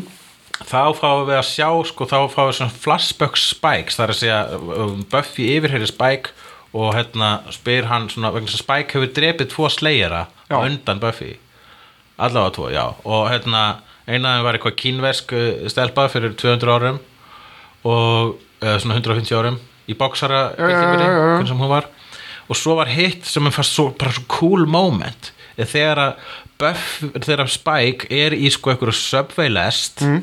svona fulla veggjakróti bara svona New York 1977 uh, að berjast við sko svona hérna að berjast við svona blaxploitation slayer Já. sem er svona afró stelpa sem er lítur bara út eins og Pam Grier og það verum að horfa á basically Billy Idol berjast við Pam Grier vegna þess að á, í 70, late 70s þá leit Spike út alveg eins og Billy Idol kemur líka setna þá uh, uh, ljós í sjöndu serju að Billy Idol stal útlitun sínu af Spike Já, uh, hérna það er satt sko maður ma myndi segja quintessential þátturinn sé og ég held að vera líka góð byrja byrjun á þáttur er þátturinn þegar að hún missir hérna meidómin já. Þeir, þegar sko, það er hægt, það er tæknilega sér hægt bara einfallega að þylja upp, Ég- vegna þess að ég, á, á meðan þú ert búin að vera að þylja þetta upp, þá, bú- þá er ég búin að vera að reyna að muna eftir þáttum sem ég veist slæmir, svona sem við getum, getum kallað vestu þetta, ég sko og ég á BuzzFeed bara svolítið erfitt, nei þeir eru nefnilega svo slæmi BuzzFeed þættirnir eru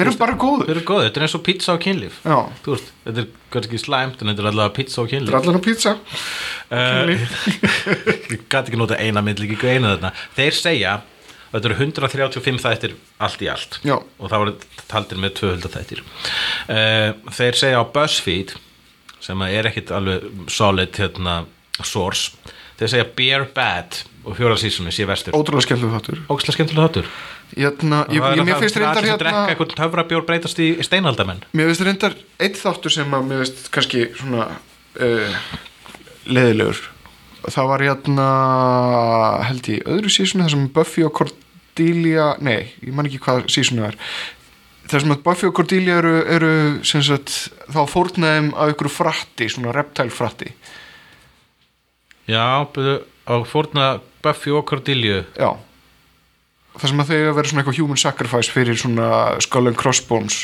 Já, fratt og já, ég man ekkert eftir því there you go það er ástæðan fyrir því En mér var bara að hugsa þú veitna þegar Buffy og Cordelia ákvaðu báðar að keppa fyrir hérna að vera hérna, homecoming queen Já. ég held að það- það sá þáttur hér líklega bara homecoming Já. um, hérna og en á sama tíma þá voru borgarstjórin setur svona open contract á Buffy mm -hmm.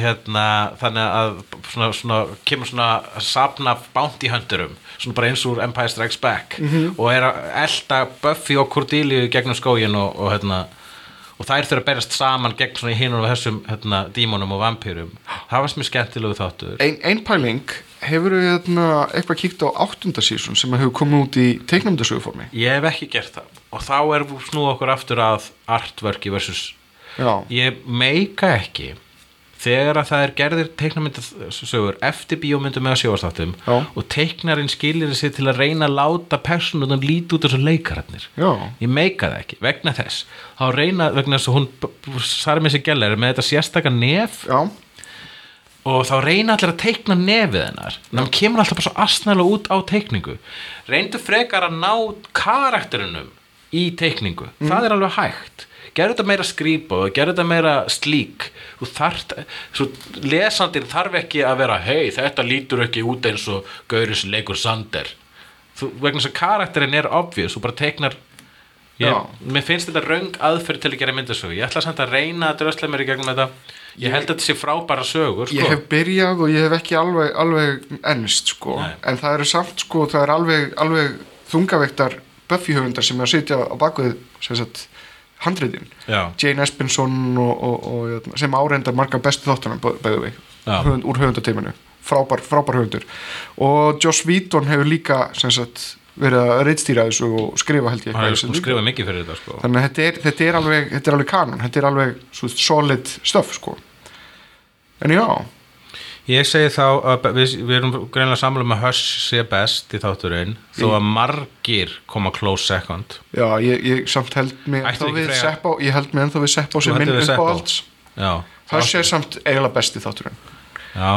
þetta er, þetta er besti versus upp á alls ég ætla að segja bara fú, hérna, að Tabula Rasa sé þá við bara, hérna, sle- segjum bara að þetta sé besti fyrir utan Hush versti þátturinn er eitthvað með ræli Vesti þátturinn er eitthvað með ræli Manstu þátturinn hann að þeirra þau Ríða- voru ríðuþátturinn. Ríða, ríða alla tíman Já. vegna þess að það er versti þátturinn, Já, já by far Hva, Veit að það en, er svo ógislega óðalandi þegar svona, maður er ekki að kaupa passionate ríðingar sko. já, en hvernig, hvað hva voru þau að berjast við skúpigengi á meðan? Þau eru berst við vegna þess að sko, húsið sem að þau voru að ríða í sem var eitthvað svona dormhouse það var sko illur andi yfir því Já. sem að gerði allavega slag graða Var þetta, en ok, m- ö- ö- það er eitthvað, eitthvað að slá þarna saman í hausnum á mér, var þetta Halloween þátturinn?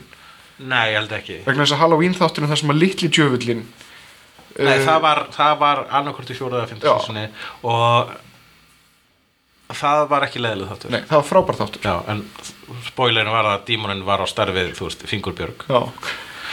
um, Hérna Já, hvað, erum við með einhverju niðurstöðar en að bara Buffy er æðislegt Og Riley er ömurlegur. Hver er hérna uppáhalds karakteriðinni í Buffy? Anja, Já, það Anja alltaf Anja, Ég er Giles maður really? Og hann er ekkert eins og það fyndur hann skemmtilegur en hann þegar hann er fyndin þá er hann drullu fyndin Já, og ég sakna hans mikið úr sjötta og sjöfunda sísuna hann svolítið svona hann er svona eins og hérna Hann var mottan- límið. mottan hans Big Le, uh, hans hérna Lebowski He ties the room together Já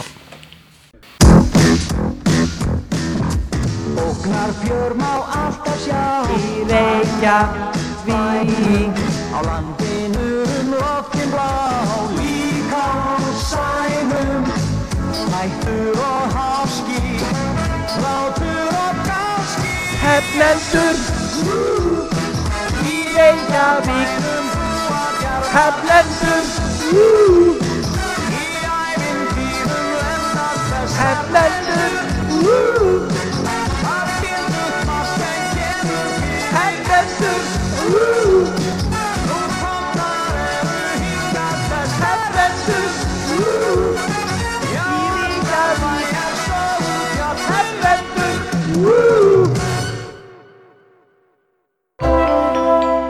og finnum fleiri skemmtilega alvarpstætti á nútímin.is. Takk fyrir að hlusta.